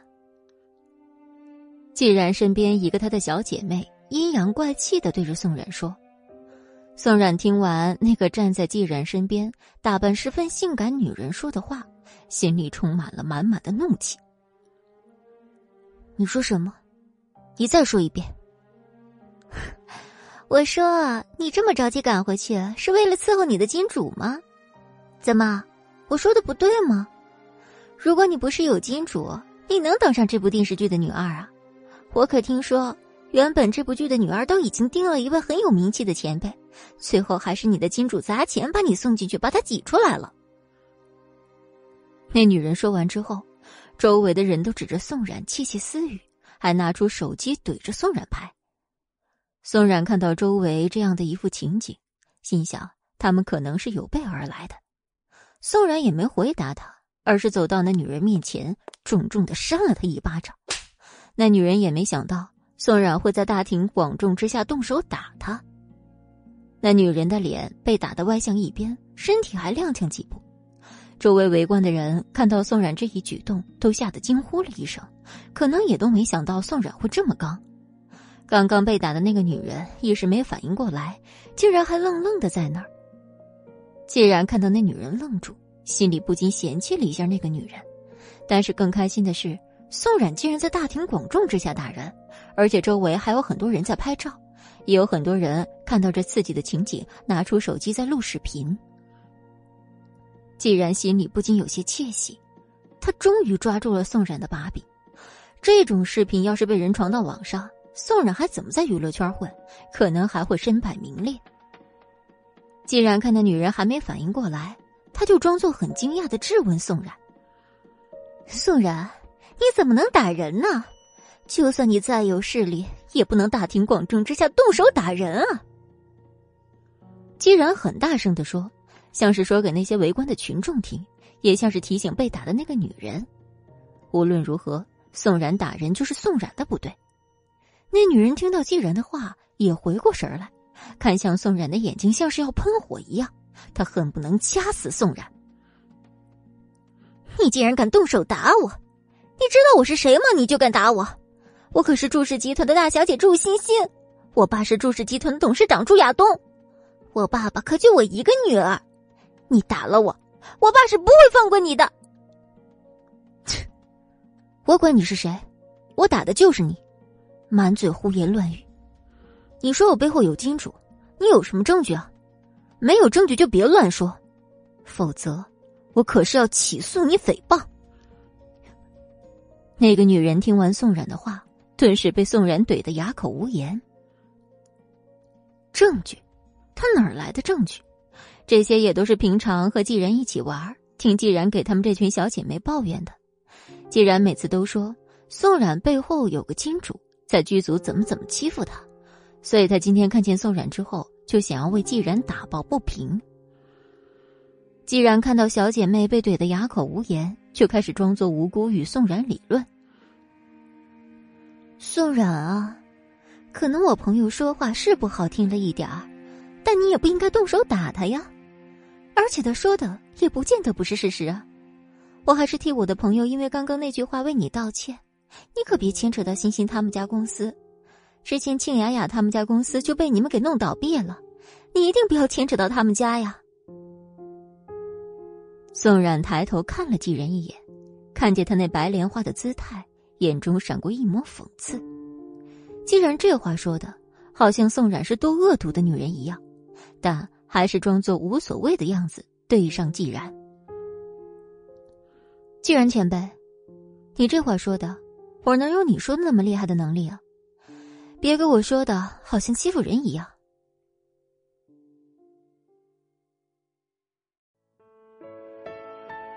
百九十五集，他说了不该说的话，就应该承受相应的结果。大家都是成年人了。也不应该就家里的人来给他收拾烂摊子吧。既然前辈，你看这么多人围着拍照，你不想明天上了头条之后被别人说你们仗着人多势众去欺负一个娱乐圈新人吧？而且他都这么大的人了，也还是不知道什么话该说，什么话不该说，他迟早都会给他父母惹祸。我就当是替他父母好好教育教育他。既然听完宋冉的话，脸色唰的一下白了下来，一时间竟不知道说什么了。祝欣欣听到宋冉的话后，看了一眼季然的脸色，他转身很生气的对宋冉说：“你算什么东西啊？还替我父母教育我？你怎么不照照镜子，看看你自己是什么样啊？你这辈子也就只能围着男人转了。”祝欣欣话音未落，宋冉就又扇了他一巴掌。既然前辈，以后出门可要看好你的狗，不要让它出来乱咬人，还丢了你的脸。既然感觉自己的脸都快要被丢光了，伸手想拉住祝欣欣，让她不要乱说话，可是祝欣欣被宋然打了两巴掌，怎么可能会轻易让这件事情收尾？宋然。你这个贱女人！你说谁是狗啊？你才是狗！你们全家都是狗！说着，就跑到宋冉面前，想要打宋冉。虽然说宋冉反应快，但还是被祝欣欣用她的长指甲划伤了宋冉的脸庞。宋冉感觉到自己的脸有些疼痛，但是也没有特别在意。既然看着像是发了疯一样的祝欣欣，赶紧叫上周围跟他们一起逛商场的小姐妹去拉住她。祝欣欣就像是疯了一样，不管不顾。宋冉看着祝欣欣的样子，不禁勾了勾唇角，扯过一抹嘲讽的笑意。然后他走近祝欣欣，趴在她的耳边，用只有他们两人能听到的声音对祝欣欣说：“你确定你还要这么疯癫啊？这边可还有很多人在拍照呢。你确定？”要让你的形象全无的照片放到网上，供全国人民观赏嘲笑吗？而且你说你是祝氏集团大小姐，你说网上如果有人认出你爸爸是祝氏集团董事长，而他的女儿却在大庭广众之下发疯出丑欺负人，你觉得你们祝氏集团的股票还会像现在这么稳定吗？你觉得让你爸爸知道你这么泼妇的样子，他不会生气吗？你说，如果他知道了，他看着他这么多年一直在接受贵族教育、贵族礼仪的女儿，变得这般泼妇模样，他会不会气得心脏病复发？所以，你确定你还要继续闹吗？楚欣欣听完宋冉的话后，一脸惊恐的看着宋冉，然后有些不可思议的问：“你怎么知道我爸有心脏病？你又怎么知道我从小都接受贵族教育？”其实宋冉才刚刚想起，那个祝氏集团就是他爸爸之前给他说过的那个祝氏，之前和宋氏集团还有合作关系。他爸爸跟祝氏集团的董事长关系也很好。小时候，宋冉爸爸还带宋冉去祝家拜访过祝伯伯。小时候去祝家时，还碰见过面前这位祝家大小姐。他们两个小时候还曾一起玩过。只是后来，祝伯伯为了祝欣欣能接受更好的教育。就把他送到了国外。原本宋冉爸爸也想把宋冉送到国外，让宋冉跟祝欣欣一起在国外也有个伴儿。只是后来宋冉妈妈不舍得宋冉这么小就离家那么远，所以这件事后来就不了了之了。一下子过去了好多年，宋冉也记不清了，还是刚刚听祝欣欣说他爸爸是祝氏集团董事长，他才有了一点印象。你别管我是怎么知道的。我要是你，现在早就离开了，省得在这丢人现眼。这事儿要是传到你爸爸耳朵里，你可能又要重新学习礼仪了。宋冉对着一脸不知所以的祝欣欣说：“在宋冉的记忆中，那位祝伯伯很是儒雅，也很和善，平易近人。他从小就想让他的女儿成为一个大家闺秀，举手投足之间非常有气质的那种女生。”祝欣欣一脸疑惑的看向宋冉，虽然他不知道宋冉怎么知道的这么多，但是他知道宋冉说的都是事实。宋冉不想跟祝欣欣闹得太僵，导致最后谁都下不来台。而且祝欣欣的爸爸之前跟宋冉的爸爸是多年好友，而且祝欣欣的爸爸还在宋冉爸爸刚去世时帮了他们一把。但是在当时宋家没落。他爸爸生前很多交好的朋友都在落井下石的情况下，祝欣欣的爸爸伸手帮了他们一把，虽然最终还是成了现在这副样子，但宋冉一直都记着祝欣欣爸爸的恩情，所以宋冉不想把祝欣欣弄得下不来台，不想让整个祝家也跟着丢人，就当是还了祝欣欣爸爸当时帮助他们的恩情。宋冉看出来了，那个祝欣欣并没有多少心眼儿，可能是被人挑唆，然后想为自己的朋友打抱不平。宋冉不用想都知道是谁搞的鬼。宋冉看得出来。虽然祝欣欣说的话不好听，甚至可以说恶毒，但是她也是被人给挑唆的。像她这么没有心机的女生，别人说什么就是什么，也不去考虑事情的真相，就很轻易的去相信别人说的话。宋冉又趴在祝欣欣的耳边，这次是带着善意的对她说：“希望你以后遇到事儿之前，可以看看、考虑一下事情的真相，而不是轻易相信别人的话。”别人说风就是风，说雨就是雨，你小心，别被别人当枪使了。宋冉说完，意味深长的看了季然一眼。祝欣欣顺着宋冉的视线看过去，发现宋冉看的人是季然。祝欣欣她只是天真，没有太多心眼儿，但并不是蠢，也不是分不清谁好谁坏。一百九十六集。既然看宋冉走了许久，这才把祝欣欣拉到自己身边。刚才的那番话，他也能听得出来，宋冉是针对自己说的。好不容易找来的帮手，不能就这么被宋冉的只言片语给绊倒了。欣欣，你别听他的鬼话，这人啊，仗着自己背后有人，经常在剧组里搞特殊，明明就是个十八线的小演员，搞得自己多大腕似的。看着眼前离自己越来越远的身影，刚刚的那番话，祝欣欣也久久不能忘却。那个背影好像似曾相识，那语气、那神情，就好像在哪儿看过的老电影，可自己怎么也想不起来。我有些累了，先回去了。楚欣欣突然分不清眼前的既然是好是坏，她也不愿被人说成是枪子儿。啊，欣欣。不去看包了吗？店员还给我打电话，有几个新款刚上架。尽管季然的声音再撩人，祝欣欣的耳朵里也听不进去了，只剩下季然和其他几个小姐妹在这商场里纸醉金迷。本来看过母亲的宋冉心情刚好一点，碰到这几个乱咬人的疯女人，心里就像吃了苍蝇一样恶心。刚走出商场，他才想起自己还有正事没办。莫千行的礼物还没买，可宋然已经没了逛商场的心情，他现在就想去吃根哈根达斯消消火。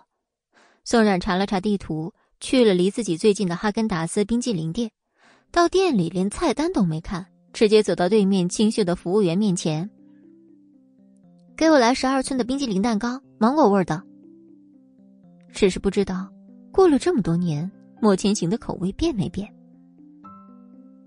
哎，我管他干嘛，自己先吃开心了再说。宋冉自顾自的默念着，没一会儿，店员就把特大号的冰激凌蛋糕放在宋冉面前。小姐，冰激凌容易化，天也挺热的，要尽快食用。店员对宋冉露出了一抹淡淡的微笑，倒是让他心情好了不少。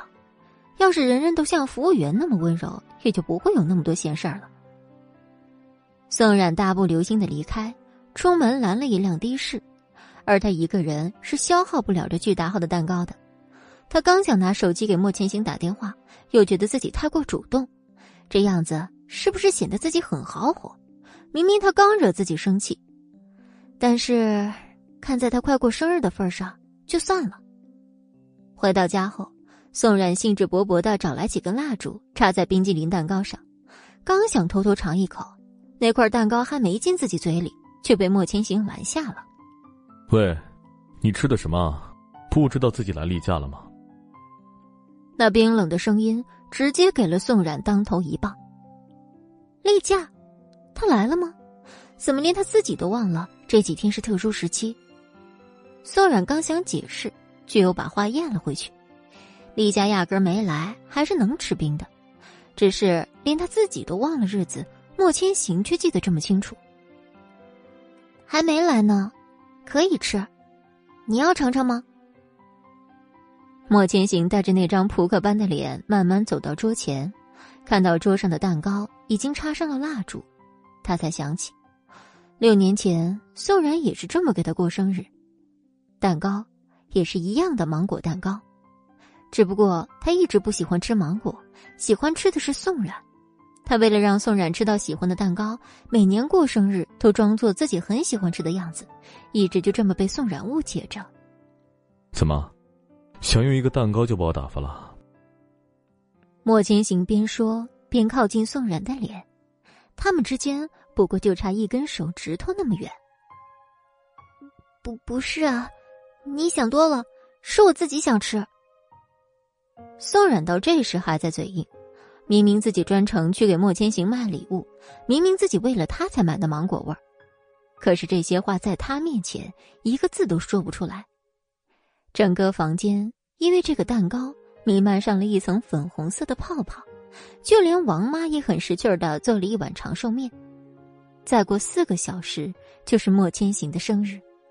哦，既然是你自己想吃，还摆那么多蜡烛干什么？我看着好玩。给我自己插的不行啊！爱吃不吃，哪来这么多废话？宋冉说话时极其小声，只是那嘴型早就被莫千行看穿了。他直接用舌头翘上他的唇，将那嘴里刚被宋冉吃掉的冰激凌一扫而光。这动作直接触动了宋冉的心脏，那一瞬间好像一切都静止了。他刚刚做什么？是在舔掉我吃剩的东西吗？还没来得及细想，莫千行已经将他禁锢在桌子上。尽管宋冉一直在拼命的挣扎，但还是比不过莫千行的力气。好不容易嘴巴能松口气，莫千行直接说：“这是对你吃冰的惩罚。”我……宋冉刚想解释什么，王妈端着面就过来了，少爷。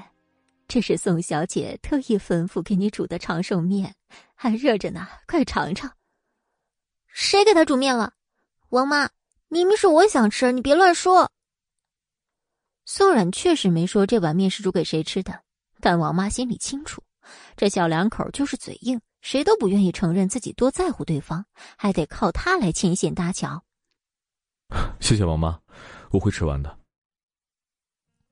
莫千行对王妈一向尊重，毕竟家里的老人也不多了，王妈的存在也像是家人一样。刚刚被欺负过的宋冉一点也不服气，这样强迫自己的人吃什么面啊？喝西北风才好。只是这时，房间里突然响起一段生日快乐的音乐，这也是宋冉自己给自己挖的坑，他都忘了自己在十点十分时设定了这个音乐，只是因为。这是莫千行出生的时间。当音乐响起时，仿佛一切都回到了六年前，那个充满青涩与懵懂的年代。他们的感情也像白云一样纯净。此时的莫千行，耳边、眼前，全是六年前那个一直陪伴自己的冉冉。冉冉，他下意识的喊宋冉的名字，温柔到快让宋冉产生幻觉了。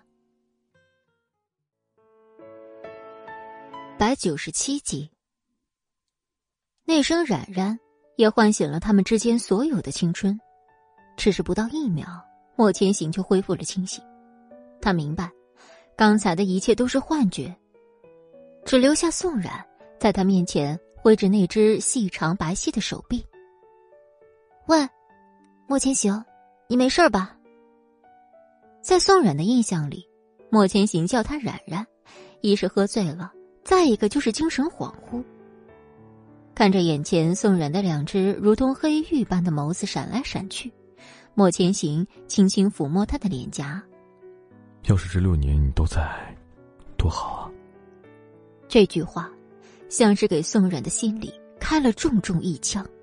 他又何尝不想这样一直陪在他身边？可是，一切都变了，他不再是原来的莫千行。自己也不是六年前那个无忧无虑的宋冉。宋冉没有再说话，两人沉浸在这久违的音乐里，待了许久。祝你生日快乐。第二天的太阳还是那样的明媚，照在宋冉的脸上格外刺眼。今天又是新的一天，他早早就来到剧组，而第一场戏就是跟季然的对手戏。看着春光满面的宋然，季然就是一肚子的气。宋然好像没有被昨天的事儿影响，还是那副努力的让人嫉妒的模样。王导，我看了一下剧本，咱们今天还是按原计划那样拍吗？对，呃，你注意一下感情啊，再饱满一点就更好了。宋然看着剧本，他非常享受自己演戏的状态，会让他忘掉一些生活琐碎，那种投入的状态是他一直想要拥有的生活。呀，这不是打人不眨眼的宋大明星吗？这么早就来背剧本啊！真是努力呀！请把你这死缠烂打的伎俩用在拍戏上，我没工夫跟你耍嘴皮子，让开。宋冉直接推开季然，向另一个方向走去。只是这句话直接刺激到了季然的神经，他的愤怒已经写在了脸上。没有哪个女的像宋冉这般看不起自己，明明自己才是主角，她不过是被人用钱砸出来的女配。他轻轻扫了一眼走在前面的宋冉，又看见那边自己的助理，不禁对他使了个眼色。那助理明白他的意思，好像提前商量过一般。就这样，宋冉被一架废旧的照相机绊倒在地上。不巧的是，地上的玻璃渣还没来得及清扫，宋冉刚好摔在上面，鲜血像是小溪般流向宋冉的胳膊，一声尖叫响彻整个剧组。既然也没想到宋冉会这么倒霉，但他一点都不觉得自己过分，反而觉得这是老天在帮他。医院，莫千行得知宋冉受伤，立马赶到医院，看到胳膊上满是补丁的宋冉，他又是心疼又是生气。明明是二十多的人了，摔倒都这么没有技术含量，弄得浑身都是伤口。怎么回事啊？伤的重不重啊？王导看见莫千行，更是愧疚的不行。自己在他面前再三保证不会让宋冉受伤，可这次真的是自己打脸了。呃，是一台废旧的照相机，我们忘搬走了。这个刚好宋小姐不小心碰到了，呃，不注意就……莫总，你放心，医药费我会负责到底的，直到宋小姐安全出院为止。莫千行是聪明人，他不相信天底下有这么巧的事儿。偏偏宋冉撞到那台照相机，偏偏的地上就有玻璃渣。你不用解释，王导，我只看结果。这部戏，宋冉不用再演了。不行，我还没同意呢。莫千行，你没资格替我做决定。宋然，你是被人伤的还不够过瘾是吧？我没资格，那个齐军有资格吗？眼看两人就要吵起。王导也是被架得里外不是人，哎，都是我的错，莫先生，你看这样行不行？我把宋小姐的戏再删减到一部分，不会有任何危险性的戏份。这段时间宋小姐就好好休息，一切等到她病好了再说。这一时半会儿我也找不到来替她的人呐。王导也是导演界有头有脸的人物，莫千行也不好不给他这个面子。你的条件我可以答应你，但是。你必须好好给我调查清楚这件事。但凡找到别人蓄谋伤害宋冉的把柄，必须要第一时间告诉我实情，否则，以后你的电影也别想在 A 城上映。莫千行的冷漠是众人熟知的，王导再大腕也不能跟钱过不去。他也了解到宋冉在剧组跟那些演员的关系并不讨喜，明争暗斗也是娱乐圈常有的事儿。只是，宋冉的背后有一座不可逾越的高山。莫先生，你放心，我定会彻查此事。说罢，王导便识趣的离开了，只留下不知所措的背影。你也说话太直了，这件事儿跟他没有半点关系，是我自己不小心，没那么严重。宋冉其实能猜到背后的实情，但是女人之间的恩恩怨怨，她不想牵扯到莫千行的身上。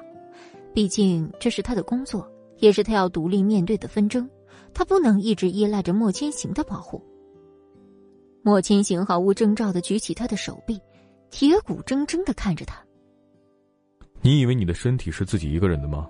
在你签下那份合同的那天起，你的任何部位、任何权利都是在我的管辖之内，除了我，没人可以动你一寸。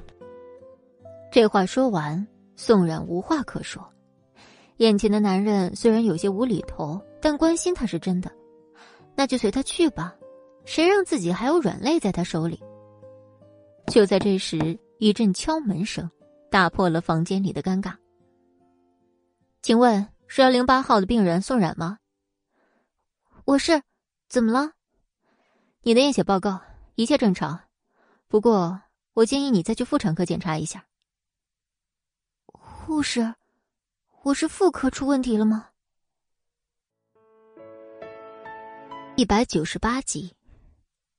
听到宋冉的话，护士就笑了：“ 哪是妇科出问题啊？是你们要当爸爸妈妈了。”这几个字一说出口，宋冉就更懵了。做爸爸妈妈，这是宋冉从来没想过的问题。一旁的莫千行却像是吃到了蜜一样。他盼望这一天已经很久很久了。护士，你确定吗？宋冉一脸吃惊的表情，他更是不经意的将头转向莫千行那边，心里一直在想，到底是哪次让莫千行得逞了？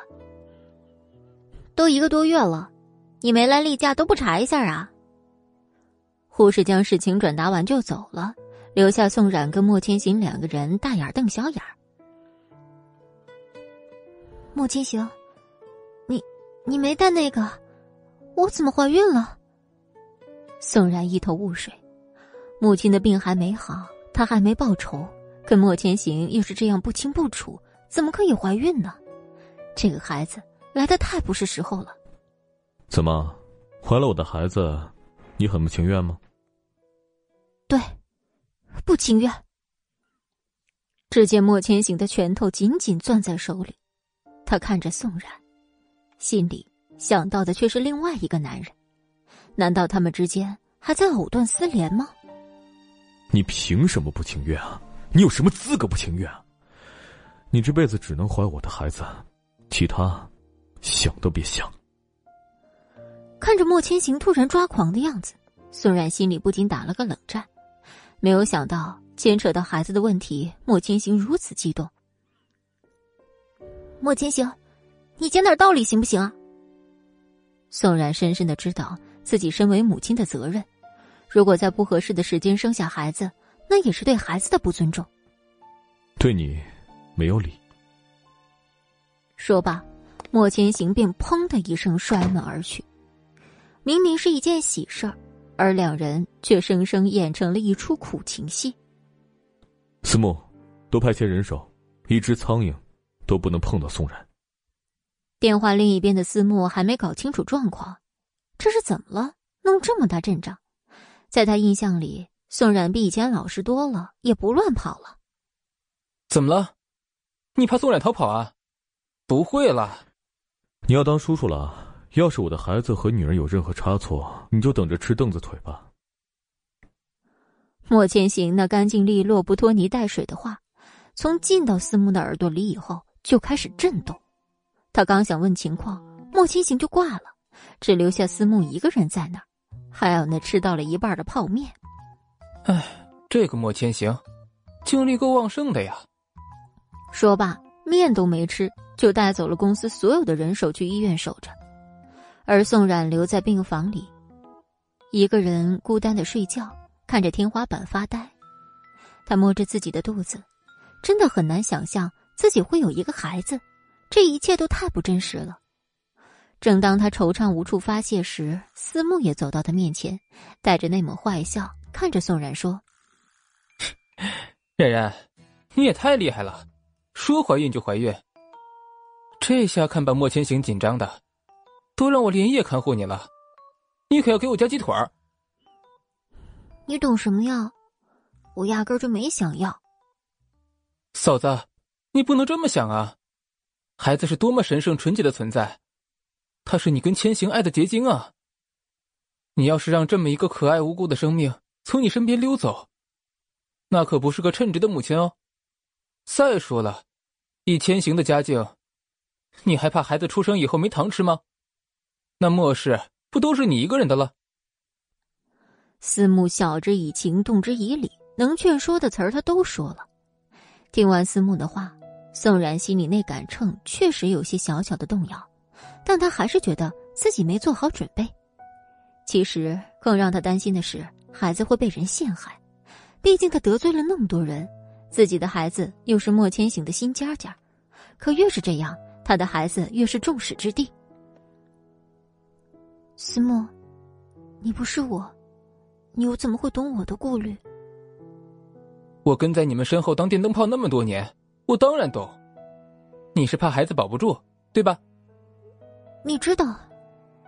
你放心，有千行，你们是不会有事的。你要对他有信心，也要对自己有信心。你现在有能力保护自己，更能保护自己的孩子。思慕的话让宋冉很有感触。对啊。一直以来，他都怕东怕西，与其害怕别人伤害自己，还不如自己保护自己。思慕派人去给宋冉买了好多对孕妇好的补品，他这个助理可谓是负责任到家了，不仅要做宋冉的心理导师，更要负责孩子营养均衡。看到一大堆琳琅满目、五颜六色的补品，宋冉就没了胃口。这哪是在喂人啊，简直就是在喂猪！这么吃下去，不出三天。他就得胖十斤。快吃吧，我的大小姐，这都是对孩子极好的食物。你不吃，你肚子里的宝宝也要吃的呀。思慕，你故意的吧？把我变成肥婆，你是不是特开心啊？哼，谁让你害得我这些天没日没夜的守着你？你乖乖的吃了这些呢，就算是对我的补偿了。思慕看见宋冉那不知所措的表情，就觉得好笑。虽然他是故意的，但这些补品也的确是他派人查到的对孩子和孕妇极好的东西。只不过他也不清楚宋冉的口味，就索性都买来了。你不吃，我给千行拍视频喽。行行行，算你狠。宋冉其实也不知道为什么要怕他给莫千行打报告。大概是不想莫千行亲自来喂自己喝吧。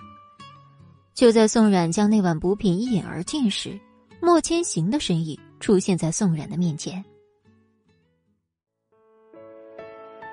五十九集，真是太浪费了，这么多碗汤哪儿喝得完啊？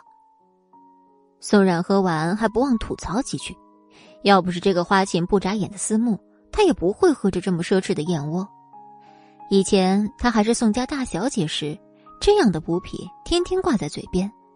可是这几年来，为了给母亲攒钱治病，她早就放弃这些华而不实的补品，能喝碗红糖水已经是最大的安慰。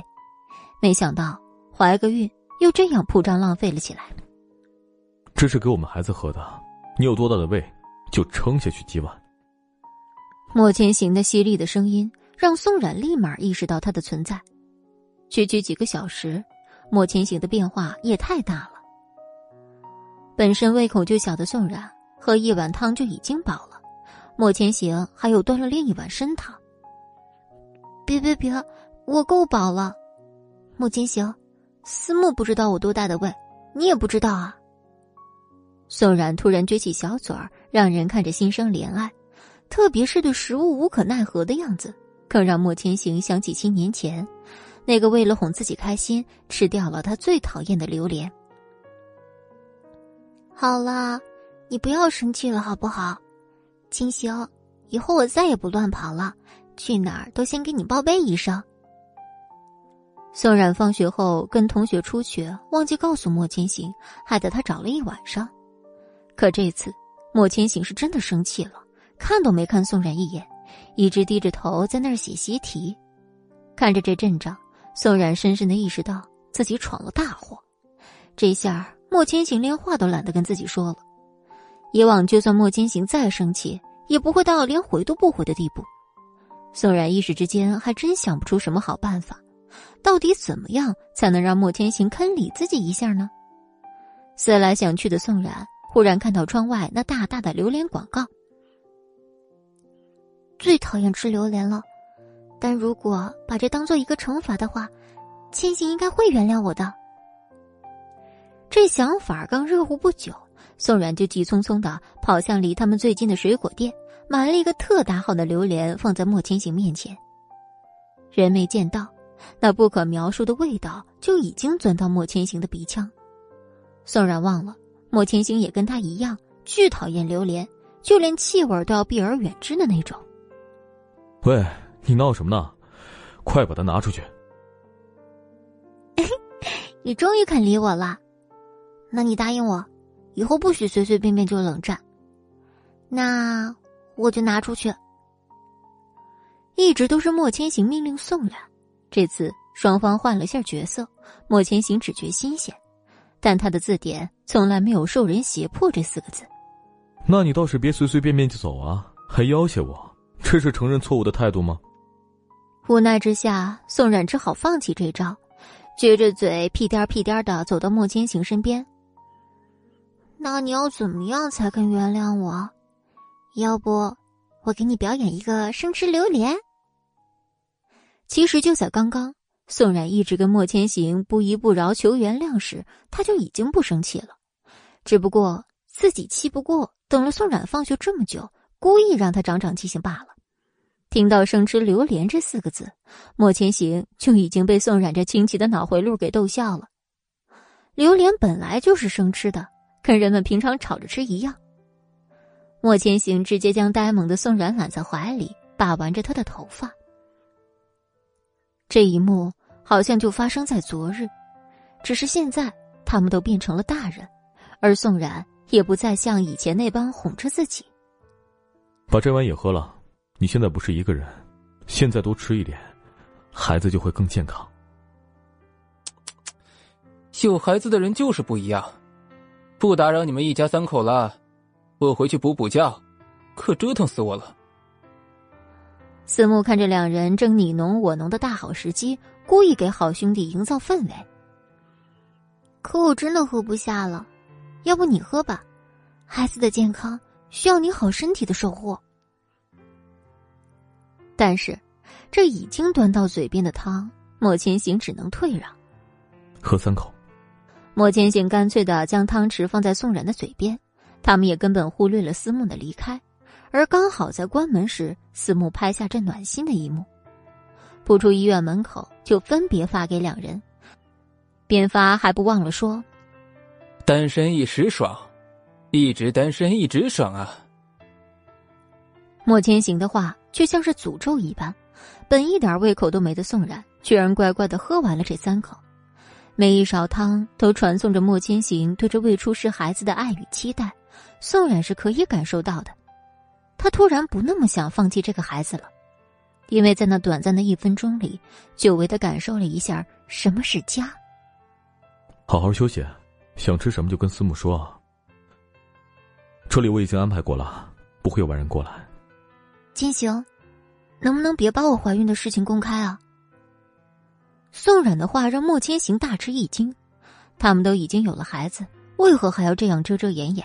这不是他一向的做事风格。为何？孩子还没稳定下来，我怕。宋冉的小心翼翼让莫千行感到心疼，他差点忘了宋冉是死过好几次的人了，况且这还是他第一个孩子。是我考虑的不周，暂时我不会对外宣扬的，你好好休息啊。说罢，莫千行就离开了。他也不是不想多陪伴宋冉。而是公司的事情实在太多，再加上新品上市，如果他想顺利的陪宋冉生产，就必须先忙完这一阵儿。刚出医院的门，莫千行刚想打开手机告诉思慕早些过来看护宋冉，就看到那张自己还未接收的照片。这个思慕挺会拍照的。说罢，莫千行就将这张照片设置在自己的桌面，“一家三口”这四个字一直停留在对话框里。每当莫千行工作累时，就会看一眼。他又要有一个属于自己的家了。与此同时，正想躺下刷会儿手机的宋冉也看到司慕给他发来的照片。虽然嘴上抱怨着司慕偷拍，但他还是默默的将那照片存了下来。剧组现场，既然还在暗暗窃喜，终于把宋冉这个碍眼的给赶走。正在化妆间前仔细打磨自己的妆容，迎来了王导气势汹汹的怒火。就在众目睽睽之下，王导掀了季然的桌子，眉毛还没画完的季然吓得直接从凳子上跳了下来，发着他那细长的尖叫：“你疯了吗？干嘛掀我桌子？”季然浑然不知自己到底闯了多大的祸事。王导辛辛苦苦拍的戏。很快就要被这个演技不行、人品恶毒到极致的疯女人给捣毁了。先的就是你，宋冉背后是谁呀？你不是不知道，别仗着自己有点人气就胡作非为。比你有实力、有背景的明星多了去了，接了我的戏就给我好好演，再惹是生非，就给我滚蛋！这是王导第一次对艺人发这么大的火，旁边的工作人员都惊呆了。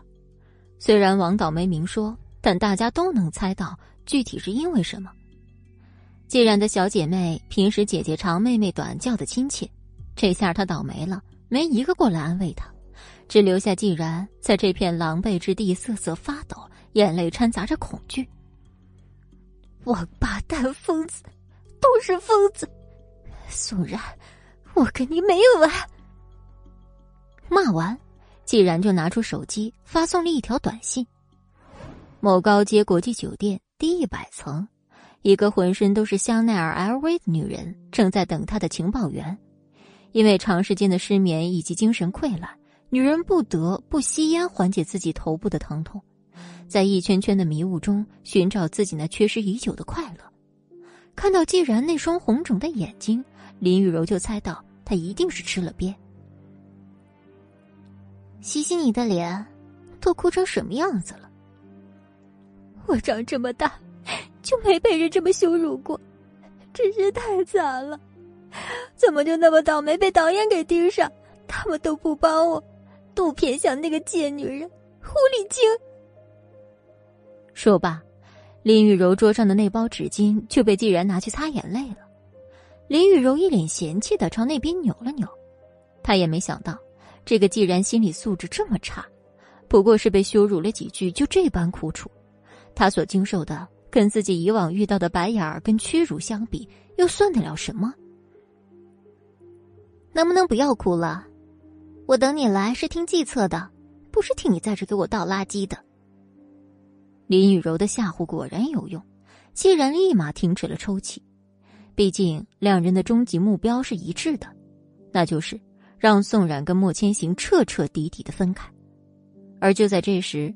林雨柔的助理也给他发来一条密报，看完这条信息的林雨柔直接将手机摔在地上。凭什么，他宋冉就能呼风唤雨，想要什么就有什么？我只是想得到莫千行的爱，就这么难？不知发生了什么的季然拿起地上的手机，看到那条信息，瞬间呆住。怀孕？她不是受伤进医院了吗？怎么会怀孕呢？既然万万没想到，自己千辛万苦把人送进医院，是给他人做嫁衣。哼，怕什么？我有的是时间跟精力。她能怀上，我就能让她流掉。此时此刻发起狠来的林雨柔，既然看着有些害怕。虽然他们是一类人，但自己还远远没有达到林雨柔此时的境界。莫千行封锁消息的再严，林雨柔也有办法打听到第一手消息。那我们现在该怎么做？莫千行肯定不会让我们轻易接近宋冉的。还算你有点脑子，我们自然接近不了，可有的是人能接近。除了莫千行，还有谁会接近他？回头你就知道了。林雨柔懒得跟季然说那么多，在他心里，季然已经没那么大的利用价值。他现在要去找更适合的杀手来帮助自己。自从那次电话以后，齐军就再也没有接过宋冉的消息，明明他的身份证、包包都在自己这儿，却无法真正去到他身边。那股失落让齐军陷入了寂寞的深渊，好像离了宋冉，他就不能顺畅的呼吸一般。宋冉啊，宋冉，你是住进我心里的妖精吗？齐军一边把玩着那张送不回去的身份证，一边等着自己点的冰美式。偌大的咖啡厅，嘈杂的交谈声，好像没有一点齐军的容身之处。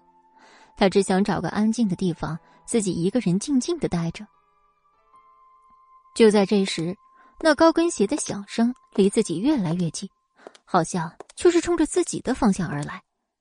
他在心里默念着宋冉的名字，可一抬头，看见的却是张雍容华贵、沾满贵气的脸。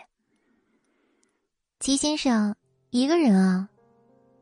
林雨柔很客气的坐在齐军对面，脸上带着那抹邪魅的笑。齐军对眼前的女人一点兴趣都没有，刚想换位置，就被林雨柔拦了下来。怎么，齐军先是这么没有礼貌，真是让我好伤心啊！请你说话正常点，我不是莫千行，用不着你撒娇。其实我来找你呢，是有件事要告诉你。这天底下什么事我不知道。用得着你来告诉？哦，是吗？那宋冉怀孕的事儿，他告诉过你吗？你怎么会知道？你以为这么说我就会相信吗？齐军第一时间就想确认事情的真假，他立马拿起手机，刚想拨通宋冉的电话，就被林雨柔泼的冷水给浇灭了。